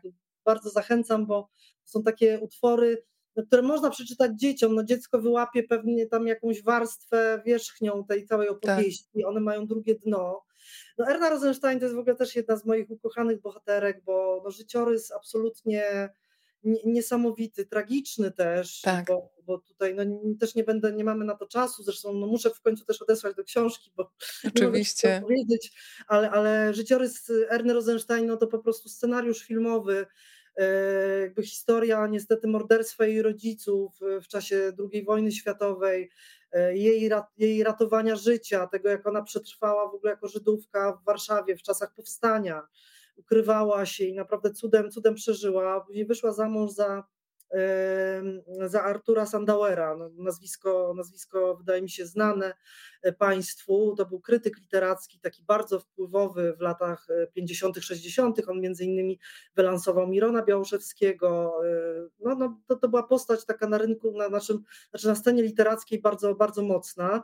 E, I to też było w zasadzie dobre małżeństwo pod tym względem, że rzeczywi, rzeczywiście jakby Sandauer e, absolutnie jakby akceptował, e, znaczy akceptował, no to nie jest dobre słowo, wspierał, wspierał tą działalność artystyczną żony.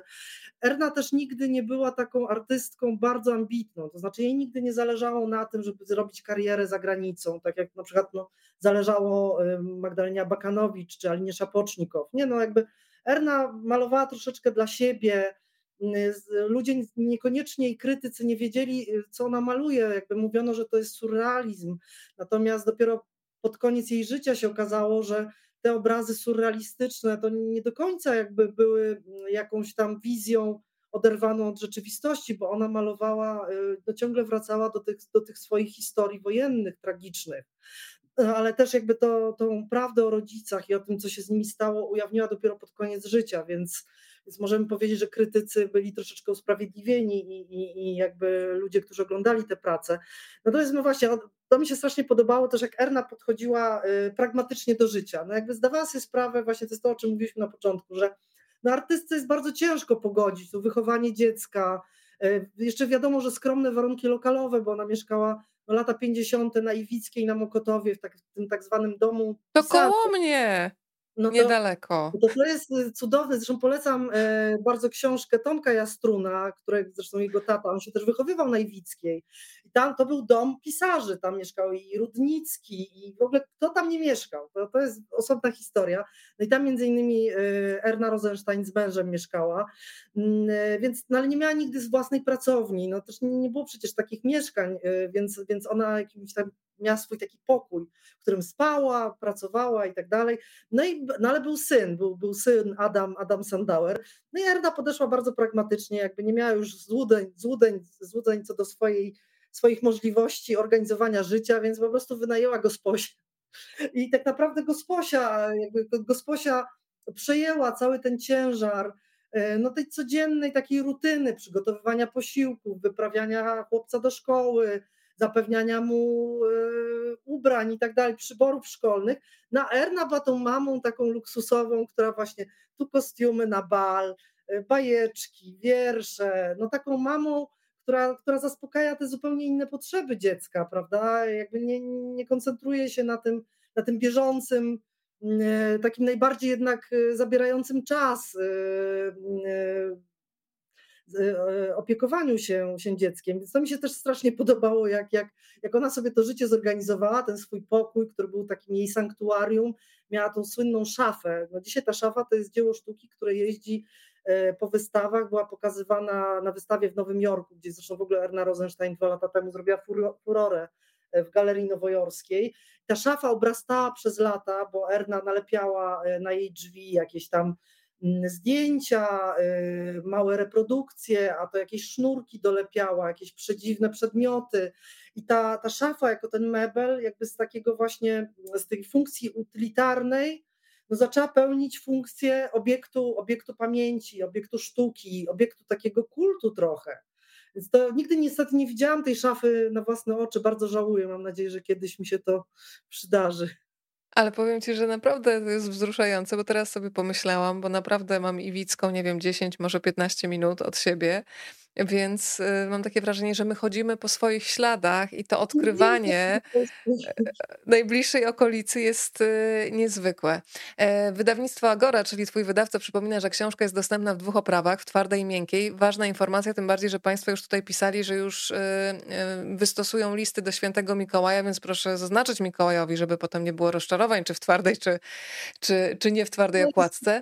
Ja tylko dodam, bo podpisywałam bardzo wiele egzemplarzy w wydawnictwie. Drodzy Państwo, to może Mikołaj również z autografem y, przynieść, to ja przechodzę do Państwa pytań. Cały czas można je zadawać. Jest pytanie o spotkanie autorskie w Luksemburgu. Czy takie będzie? Pyta Pani Janna. No cóż.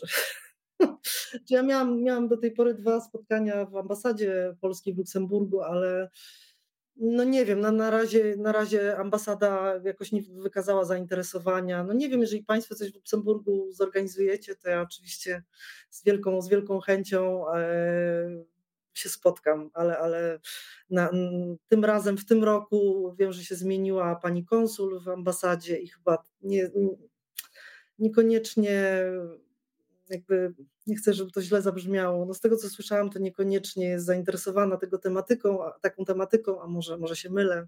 Nie wiem. To drodzy Państwo, to jest jasny komunikat, żeby założyć taką grupę lobbystów i po prostu lobbować w sprawie tego spotkania. Wszystko w naszych rękach w końcu. Widzę, że część pytań się powtarza, bo na przykład pan Robert, ale też pani e, Daria pyta mniej więcej to samo pani Wanda. Pytanie, co dalej pani Sylwio? Jak się dało czytelnikom palec z Polki na Montparnasse, potem rękę, Lunia i Modiglianie, teraz ramię, tylko one, to jakie plany? Bo chyba nie odpoczynek i to pytanie, moja droga, o to, e, czy są już pomysły na kolejną książkę? To mniej więcej w tym samym kierunku zmierza, więc proszę bardzo. Nie wiem, ja bym chciała trochę odpocząć, szczerze. Znaczy, ja już się tak zadeklarowałam i też tutaj redaktor naczelny wydawnictwa wręcz mi tak nie nam no, zasugerował, że, że powinnam o tym opowiadać, przynajmniej wobec, że będzie druga część tej książki, ale, ale prawda jest taka, że, że no ona mi ta, ta pozycja mnie kosztowała bardzo, bardzo dużo, dużo siły, dużo, dużo pracy, dużo więcej niż moje poprzednie książki i, i pracowałam też w takim dużym, dużym stresie związanym z przeróżnymi wydarzeniami, ale też presja czasu była ogromna. Chciałam bardzo zdążyć na, na właśnie, no, no udało się to na szczęście, ale muszę to zaznaczyć, nie tylko jakby to była, mo, mo, to nie tylko jest moja zasługa, ale naprawdę w wydawnictwie sztab ludzi pracował nad tym, żeby ta książka się ukazała. Jeśli chodzi o redakcję, miałam dwóch fantastycznych redaktorów i, i, e, i też pani, pani o, która mi pomagała z doborem zdjęć, pani korektorki, panie, które w ogóle dbały o to, żeby książka trafiła do drukarni. Naprawdę sztab ludzi bardzo, bardzo się starał, za co jestem ogromnie wdzięczna, bo myślę, że książka, no tak jak słyszę przynajmniej, no, no, no spełnia oczekiwania, to znaczy no, kiedy się ją bierze do rąk, no to, no to podobno no, no jest, jest efekt y, taki, jaki, jaki chciałam, żeby był. Więc jestem bardzo szczęśliwa, ale tak jak mówię, mm, przydałoby mi się troszeczkę odpoczynku. Na razie się koncentruję na jakichś krótszych tekstach, ale, ale zaraz ruszam do pracy, bo też y, to nie jest jakaś tam wielka tajemnica, że mm, porzuciłam na pewnym etapie książkę już y, zaczętą, która dotyczy szkoły paryskiej. Czyli to tak troszeczkę można powiedzieć ciąg dalszy Polek na Montparnasse, tylko, tylko już nie skoncentrowany wyłącznie na, y, na kobietach, ale też y, myślę, że i panów też by się przydało opisać, bo tam były nazwiska i historie niezwykłe. Kisling, Zak, y, Haydn. No wiem, że to nie są nazwiska być może wiele mówiące osobom, które na przykład nie kolekcjonują sztuki, czy nie były w Willi Lafleur to jest y, prywatne muzeum w Konstancinie, które zawsze, zawsze polecam, bo to jest muzeum właśnie, które prezentuje dorobek École de Paris, ale, ale to jest książka, Tam są prace Melimuter, ja dobrze pamiętam? Tym tak, bardziej, że piszesz, że właśnie pracę Melimuter warto zobaczyć na żywo, bo jednak fotografia spłaszcza. W jej przypadku tak, mówisz o tej różnicy, że to jest kompletnie inne doświadczenie, więc tak, Konstancin dla wielu pewnie niedaleko. Polecam, bo to jest Konstancin pod Warszawą. Naprawdę nie znam jeszcze osoby, która by pojechała do tego muzeum i nie była jakimś, naprawdę nie, nie wyszłaby stamtąd osłupiała po tym, co zobaczyła. Największa kolekcja Muter, y, myślę, że w, w Europie, prac Muter, ale właśnie Kisling, y, Grunzweig, no to w ogóle można wymieniać, czego tam nie ma, tam są nawet rysunki Modiglianiego są. Więc y, miałam dwukrotnie przyjemność spotykać się z Państwem Willi Lafleur, więc niektórzy pewnie byli na tych spotkaniach, wiedzą o czym mówię. E, w każdym razie, no, to na pewno bym chciała, chciała dokończyć, bo jednak Paryż też, no Paryż wart jest mszy i Paryż, Paryż trzeba opisać, Paryż, y, wiem, że wiele, wiele osób się domagało y, większej ilości Paryża, y, więc ten Paryż też czeka na, na opisanie, będzie, będzie więcej Paryża. No i prawdopodobnie druga część tej książki, jeżeli uzbieram siły. I chciałabym też jakby przedstawić no przynajmniej kilka malarek y, jakby żyjących, y, takich, które, które które mogą własnym głosem przemówić. To też dla mnie byłaby bardzo, bardzo ważna, bardzo ważna sprawa. Słuchaj, Państwo jeszcze tutaj sugerują, żeby do książek e, dołączyć płytę CD lub e, nagranie na jakimś innym nośniku z opowieściami, e, które teraz serwujesz. Kto wie, kto wie. Pani Marzena jeszcze pyta. Po Polkach na Montparnasse byłam zafascynowana i już wiem, jaki będzie kolejny prezent, który sobie sprawę. Szczególnie bliska jest mi Anna Bilińska. Pytanie, czy tobie, Sylwia, również? I co sprawiło, że to właśnie autoportret Bilińskiej znalazł się na okładce tej książki? No myślę, że okładka jest poniekąd odpowiedzią, tak? No jakby Bilińska naprawdę to jest postać emblematyczna dla, dla po prostu polskich artystek i jakby było kilka podejść do, do okładki, tutaj autorką jest Ula Pongowska, to muszę zaznaczyć, która też stworzyła y, okładkę do Polek na Montparnasse i Luni Modiglianiego. Y, no jakby były różne, różne koncepcje tej okładki, ale to ciągle nie, nie było to i w końcu rzeczywiście okazało się, że po prostu sama Bilińska jakby jest absolutnie wystarczająca. Wydaje mi się, że ta okładka jednak jest taka, jaka być powinna, no bo w trzech wariantach kolorystycznych ja wybrałam właśnie ten, bo to jest dla mnie kolor taki dosyć ważny, właśnie ta, ta fuksja, nie wiem jak to można powiedzieć, cyklamen, fuksja, są różne, różne określenia, ale bardzo lubię ten kolor. No i po prostu to, to jest postać emblematyczna. No ona też jakby jej życiorys skupia w sobie tak wiele zagadnień, które które, mm, e, no, które były ważne w życiu tych kobiet i jej przede wszystkim też ta droga życiowa, e, no jednak świadczy o tym, że, że, że była, była kobietą zdeterminowaną, ale też taką, która, która potrafiła pokonywać przeszkody i, i oczywiście nie wiemy, jak daleko by zaszła, bo zmarła przedwcześnie. Ja się często na tym zastanawiam. Jak, myślę, że jednak poszłaby w kierunku impresjonizmu albo postimpresjonizmu, bo wszystko na to wskazuje, no ale tego nie wiadomo, tego się nigdy, jakby tego nigdy się nie dowiemy. Wielka szkoda, że, że odeszła przedwcześnie, ale, ale, ale całe szczęście, że jakby przedarła się w ostatnich latach do tego kanonu polskiej sztuki. Myślę, że już z tego kanonu nigdy, nigdy nam nie ucieknie. Ja się bardzo cieszę, bo widzę, że Państwo już teraz planują wycieczki do Konstancina. Proszę pojechać z książką, oznaczać Sylwię, bo to jest zawsze ogromna radość dla autora, tak. autorów, autorek, którzy wkładają całą masę serca, zaangażowania, wiedzy i czasu w, książ w książki, żeby potem zobaczyć, że te książki żyją razem z Państwem e, i prowokują do takich osobistych spotkań. Tak jak mówiłam, czas minął, ale ten czas nie unieważnia tych emocji, które zostały w sztuce. E, pytanie się pojawiło od Pani Aleksandry, e, czy któraś z opisanych przez Panią postaci warta jest osobnej książki, a może nawet filmu? Ja bym powiedziała, że każda, no każda jest absolutnie warta i, naprawdę ja oczami wyobraźni no już widzę te filmy. Każda z tych postaci y, powinna mieć osobną biografię. Niektóre, niektóre mają oczywiście, no bo tutaj y, Poznańska Angeliki Kuźniak, Stryjeńska też Angeli, napisana przez Angelikę, y, no jest, jest Kobro. Do tych biografii trochę jest.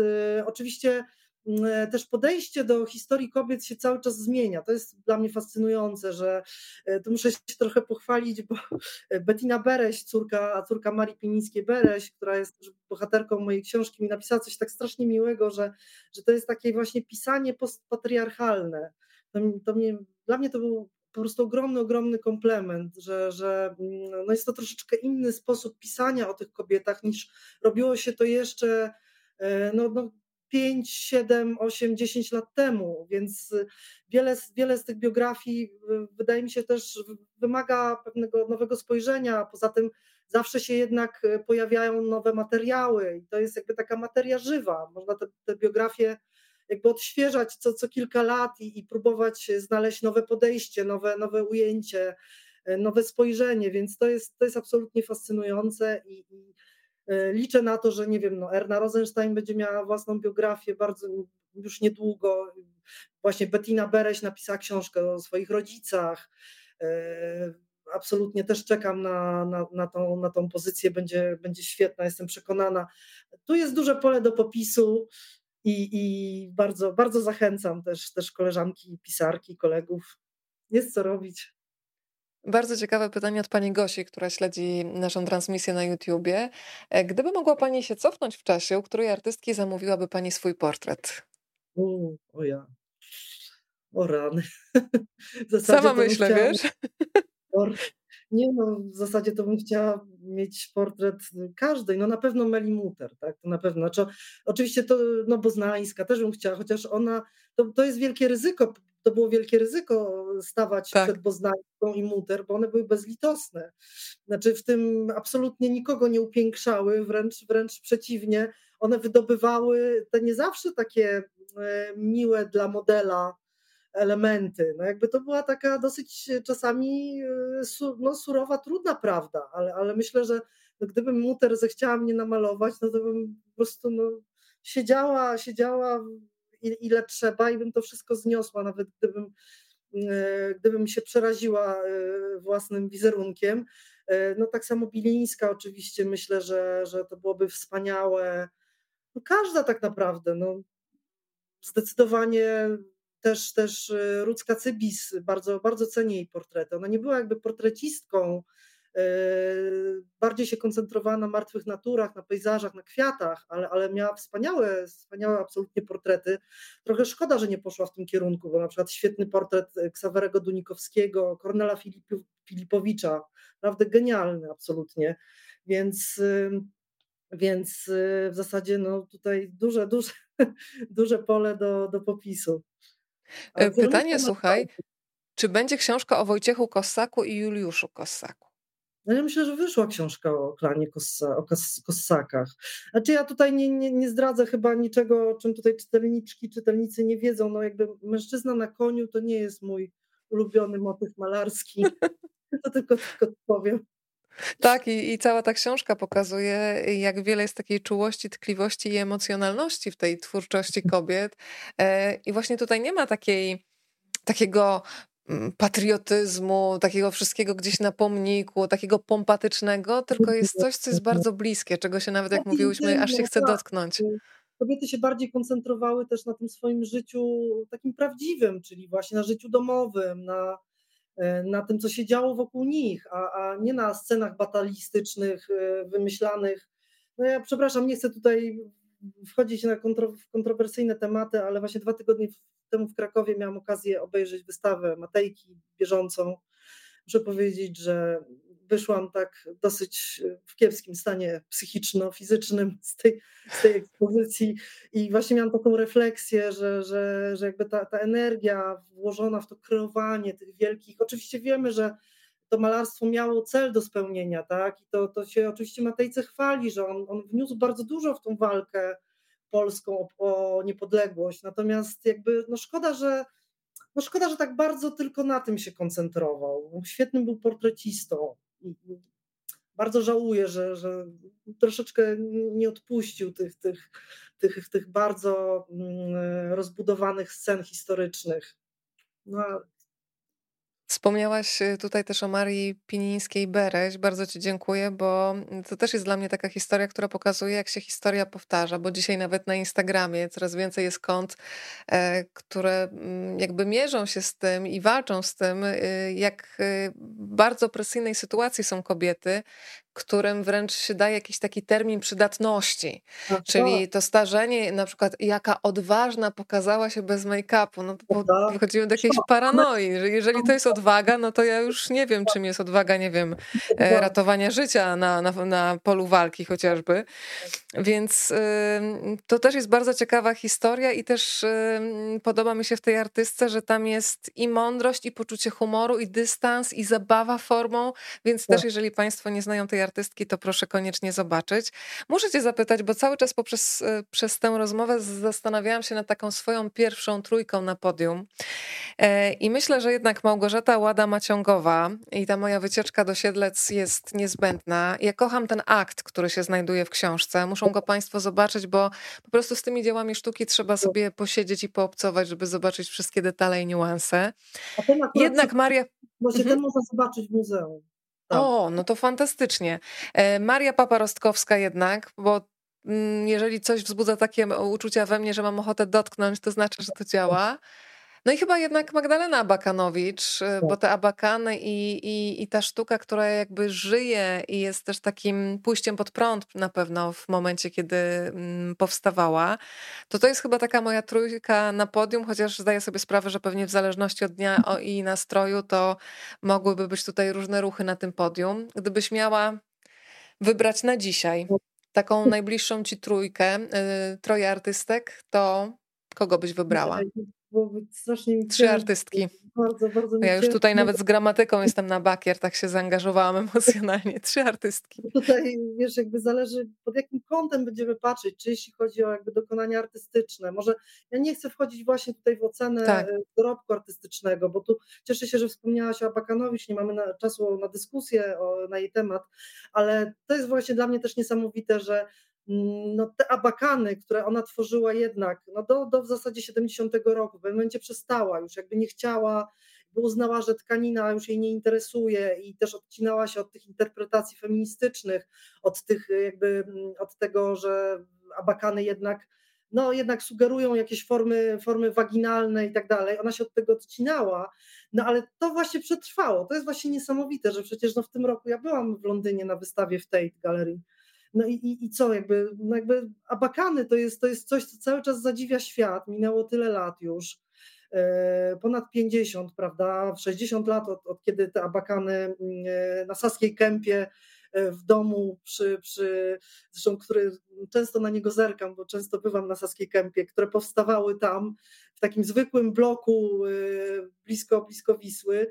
I, I, to jest w ogóle coś, coś niewiarygodnego, jak też się te historie układają, jak można mieć niewiarygodne ambicje i robić wielką karierę, a po latach jakby i tak się nie ma kontroli nad, tej nad tym dorobkiem. Jakby to, co zostaje po człowieku, to, co się, jakby to, co ludzie na całym świecie y, doceniają, to właśnie wcale nie jest to, y, na co się y, stawiało, bo Magdalena Abakanowicz no, chciała być słynna y, bardziej z powodu y, swoich y, ostatnich realizacji, a nie abakanów. No, ale życie jest takie przewrotne, przepraszam za tą dygresję. Ta trójka, ja może powiem, o trój, która trójka tych kobiet jest mi najbliższa emocjonalnie, dobrze? Jakby, które tak. w trakcie pisania no tak mnie, tak mnie mocno złapały, że tak powiem, że nie, nie mogłem nie puścić, albo ja nie mogłam się od nich bardziej, może ja nie mogłam ich bardziej puścić. Miałam ogromny problem, żeby po tym pisaniu y, przejść do, do kolejnej artystki. To było bardzo trudne i tutaj ja muszę wymienić y, Alinę Szapocznikow, y, która dla mnie to jest wielka, wielka lekcja życia. To, co ją spotkało, ale to właśnie te jej, jej podejście w ogóle do sztuki, do, do, do tego, co się dzieje tu i teraz, do, do życia, na pewno. Wiesz, co no, zapamiętałam, jak piszesz do Szapoczników? Ten żakiet, z którego wystaje numer obozowy z Auschwitz. Czyli jak, jak właśnie, jak, jak, wiele może nam się wydawać, nawet czasami nie wiemy, jakie ciężary ludzie mają e, w tym takim tak, życiowym plecaku. Tak, ona nigdy o tym nie mówiła. I, ale w ogóle no, jej życie tutaj no, muszę oczywiście odesłać do książki. Yy, chciałabym też kiedyś o Alinie porozmawiać. Yy, tutaj wspominałaś o wystawach, ja tylko powiem, że w Warszawie można obejrzeć, i to za darmo, dzieła Aliny Czapocznikow yy, w, na Bobrowieckiej w, w siedzibie Fundacji Staraków. W tej chwili jest wystawa bardzo zachęcam. Jest też wystawa w Kaliszu Aliny Szapocznikow. Bardzo chciałabym pojechać, ale no trochę mam daleko. Bawiam się, że to będzie niemożliwe. Bardzo żałuję, bo bym po prostu z, z przyjemnością tego Kalisza pofrunęła. E, to na pewno taka artystka, która na mnie wielkie wrażenie zrobiła. E, Ester Karp też, no, z uwagi na te kwestie, o których mówiliśmy, ten jej życiorys bardzo, bardzo trudny, e, ciężkie chwile w, w, szpitalach psychiatrycznych. No i myślę, że chyba też Erna Rosenstein też, też niesamowicie skomplikowana sztuka, ale też właśnie sztuka tak bardzo silnie spleciona z życiem. Tam jakby ta, ta sztuka nigdy nie, nie, nie powstawała w oderwaniu od tego, co, co Erne Rosenstein spotkało, więc to na mnie, to mnie bardzo, jakby te trzy życiorysy bardzo mną emocjonalnie jakby tak zawładnęły, e, ale tak naprawdę nie tylko one, no, praktycznie, praktycznie każdy. No, niektóre były mi oczywiście bardziej znane, niektóre mniej. E, tu, gdzie no, znałam oczywiście na wylot niemalże życiorys Łępickiej, więc starałam się ją też trochę pokazać inaczej, właśnie z tej perspektywy takiej, no trochę, trochę już e, no, no, artystki takiej ukresu życia, która, która jakby została zapomniana, a jednak ciągle walczy, walczy o, o swoją sztukę. To, to to mi, to mi się wydało szczególnie ważne. O tym się mało mówi, że kiedy ona umierała, no, ona była kompletnie nieznana. Tak? I, i, I, nawet myślę, że sama Łępicka nie przewidywała, że za kilkanaście lat po prostu w Hollywood y, narodzi się niemal kult jej, jej malarstwa. ale walczyła do końca. To dla mnie, dla mnie te, te, te elementy są niezwykle ważne. Wiesz co, kiedy oglądałam dzisiaj jeszcze te prace Łępickiej, tam jest między innymi taki, mm, taka ilustracja z bukiecikiem kwiatów i ostów, to mhm. pomyślałam, że ona też by była świetną ilustratorką książek dla dzieci, o co pewnie nikt by jej nie podejrzewał, może ona nawet sama siebie, ale tak. zobaczyłam coś kompletnie innego w tym, co do tej pory widziałam w Łępickiej. Tak, bo jest bardzo ilustracyjne, tak, tak, absolutnie. Mam jeszcze dwa pytania, słuchaj, od mhm. naszych widzek. Ania zauważa ważną rzecz, czy interesuje cię ta sztuka, sztuka w wymiarze terapeutycznym i pisze tutaj właśnie, wspomina te artystki o wybitnej wrażliwości, które trafiały do szpitali psychiatrycznych, pacjentki tych szpitali, które stawały się artystkami. Ja sobie w ogóle dużo myślałam o tym, że talent czasami właśnie wiąże się niestety z tym, że tych bodźców i tej wrażliwości jest tak dużo, że człowiek nie jest w stanie jej pomieścić. I też myślę o czasach, że dzisiaj już szczęśliwie zaczynamy o tym rozmawiać, mamy do dyspozycji lekarzy, można znaleźć pomoc, a myślę, że w wielu życiorysach tam były traumy, tam były depresje poporodowe, nerwice, stany lękowe, tylko nikt nie miał pojęcia w ogóle, jak pomóc. Absolutnie, tak, absolutnie tak było. I jeszcze no, do tego dochodzi w ogóle jakby natura, natura pracy artystycznej, tak? To jest naprawdę ogromne napięcie i, i już nie mówiąc o tym, że presja też, y, konkurencja, jakby potrzeba walki o, o, w ogóle o swoje miejsce na rynku sztuki. Ta, też ta rywalizacja z innymi artystami jest bardzo, bardzo w przypadku sztuk plastycznych bardzo intensywna. I, i to, to też jakby spala, spala ludzi. Nie każdy ma taką siłę, żeby, żeby sobie z tym radzić e, e, na dłuższą metę i, i no to jest oczywiście badał stwierdzenie, że artyści to wrażliwcy, to, to jest oczywiste, ale, ale Tutaj dochodzą do tego też kwestie ambicjonalne, bo jestem przekonana, no, no każda z tych artystek, mówimy akurat o, tych, o tej dwudziestce, ale, no, ale artyści to są jednak ludzie bardzo ambitni i przekonani o tym, że, że jednak skoro robią to, co robią i ponoszą te wszystkie, mm, e, ponoszą tak wielką cenę, żeby to robić, bardzo często kosztem właśnie jakichś relacji osobistych, rodzinnych, e, kwestii jakby kosztem, kosztem pieniędzy, kosztem tego, że, że nie dojadają i nie mają, nie mają warunków dobrych do życia, no to, no to jakby ta stawka jest bardzo wysoka. Tak, I, i, tak ty i... właśnie podkreślasz, że to nie jest hobby na zasadzie maluję sobie, bo maluję, tylko to nie, jest też kwestia nie. życia, bo zarabiam w ten sposób na życie, więc muszę nie, dbać o... Ludzie mówili, to tak naprawdę każdy z nich miał ogromną, ogromną jakby mm, e, umiejętność walki i też przekonanie, że, że chcą walczyć, że są w stanie to robić. I mimo, że te kobiety czasami się wydawały takie może, no właśnie gdzieś tam w cieniu męża, takie, takie delikatne i, i robiące coś tylko dla siebie. Nie, tak naprawdę każda z nich miała ogromną, ogromną ambicję i te ambicje domagają się spełnienia, czyli trzeba walczyć. No i ta walka wyniszcza. I oczywiście sztuka w wymiarze terapeutycznym, to o co się tutaj pani zapytała, bardzo mnie interesuje. E, wyszła taka bardzo ciekawa książka kilka lat temu, no niestety na razie tylko we Francji, właśnie sztuka, która leczy, neurochirurga. Ja muszę powiedzieć, że w ogóle no. rozwija się cała gałąź e, neuronauki, która nazywa się neuroestetyką. Neuroestetyka właśnie jest to nauka, która, która bada wpływ sztuki na nasz mózg mówiąc tak naj, najwpro, najprostszy sposób, bo ponieważ my sobie z tego nie zdajemy sprawy, znaczy wiemy na przykład już, mi się wydaje, to wszyscy wiedzą, że kolory działają w określony sposób, prawda? Zestawienia kolorystyczne, że jakby to, to jest pewien przekaz podprogowy. My, my jakby stając przed obrazem takiego Fangora na przykład, tak? który, no, który jednak y, w taki dosyć y, mm, zagadkowy czasami sposób komponował kolorystycznie swoje prace. Nie do końca wiemy, na czym polega ta moc tego obrazu. Tak? Stoimy przed nim i właśnie neuroestetyka bada zmiany, które zachodzą w mózgu na skutek kontaktu ze sztuką i są, są badacze przekonani, jakby wykazują, że, że no sztuka działa w taki sposób terapeutyczny, jakby niezależny od nas. My możemy nie zdawać sobie z tego sprawy, że idziemy oglądać Van Gogha, czy, czy nie wiem, no co, cokolwiek, no to już tak tego Van, Van Gogha wymieniłam, ale, ale tak naprawdę e, nasz, nasz mózg się zmienia pod wpływem sztuki, pod wpływem koloru, pod wpływem tych emocji, które, które każde z dzieł sztuki ma tak naprawdę w sobie zamknięte. To jest absolutnie dla mnie fascynujące y, i w ogóle no, neuroestetyka jako, jako, sztu, jako mm, coś, co, co warto eksploatować. Bardzo się tym zainteresowałam ostatnio, ale to nie jest oczywiście teraz miejsce na dyskusję na ten temat. Słuchaj, spojrzałam na zegarek 22.13. Niewykluczone, że Państwo nas w piżamach już oglądają, więc zaraz zmierzamy do finału, bo przecież jutro dzień pracy. Więc ostatnie pytanie jeszcze zanotowałam tutaj od Pani Joanny. Słychać w Pani opowieściach zachwyt opisywanymi przez siebie kobietami ich życiorysami. E, czy kiedykolwiek pisała Pani o kimś, kogo po zebraniu materiałów do książki przestała Pani lubić? O, też mnie to bardzo ciekawi. Dziękuję Pani Janna. Nie, nie wiem, czy powinna na nie odpowiedzieć. No muszę powiedzieć, że trochę przestałam Modiglianiego lubić po napisaniu książki o nim. Mhm. E, no, no nie, nie wiem, czy, czy. No myślę, że jakby ci, którzy czytali tę książkę, to może trochę, trochę mnie rozumieją e, i, i już nie chcę tutaj wchodzić no, takie. Ja też go znielubiłam, więc jesteśmy w tym samym klubie. I, I, naprawdę bardzo się, bardzo się miotałam, mówiąc brzydko, pisząc tą książkę, bo ciągle miałam dylemat, czy go przedstawić jako, jednak go troszeczkę pokazać e, oczami tych zakochanej w, niej Luni Czech, w nim Luni Czechowskiej, czy jednak pokazać go no takim, jakim był, jak to wynika, e, wynika z różnych źródeł.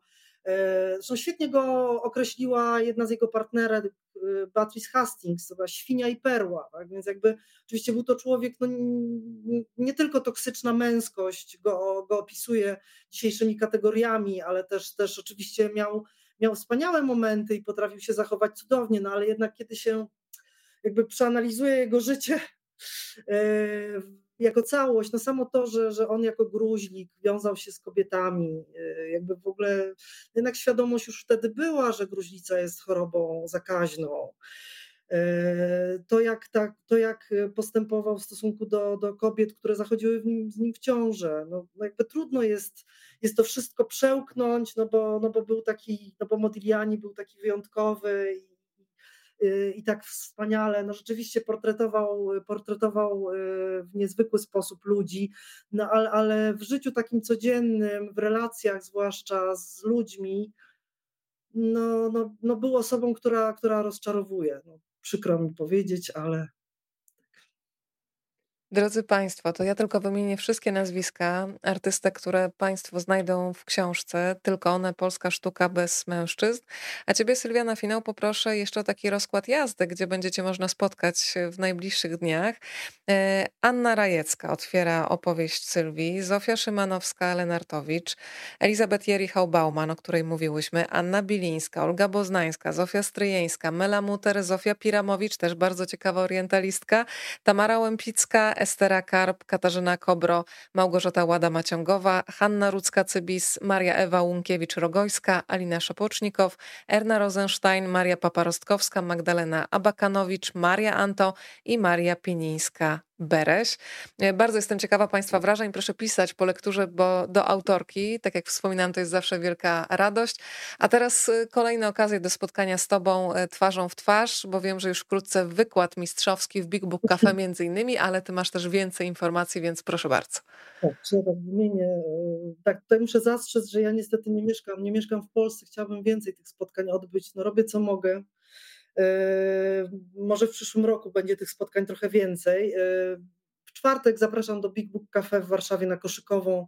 Będę mówiła na temat taki, czy, yy, czy artystka może wyjść za mąż.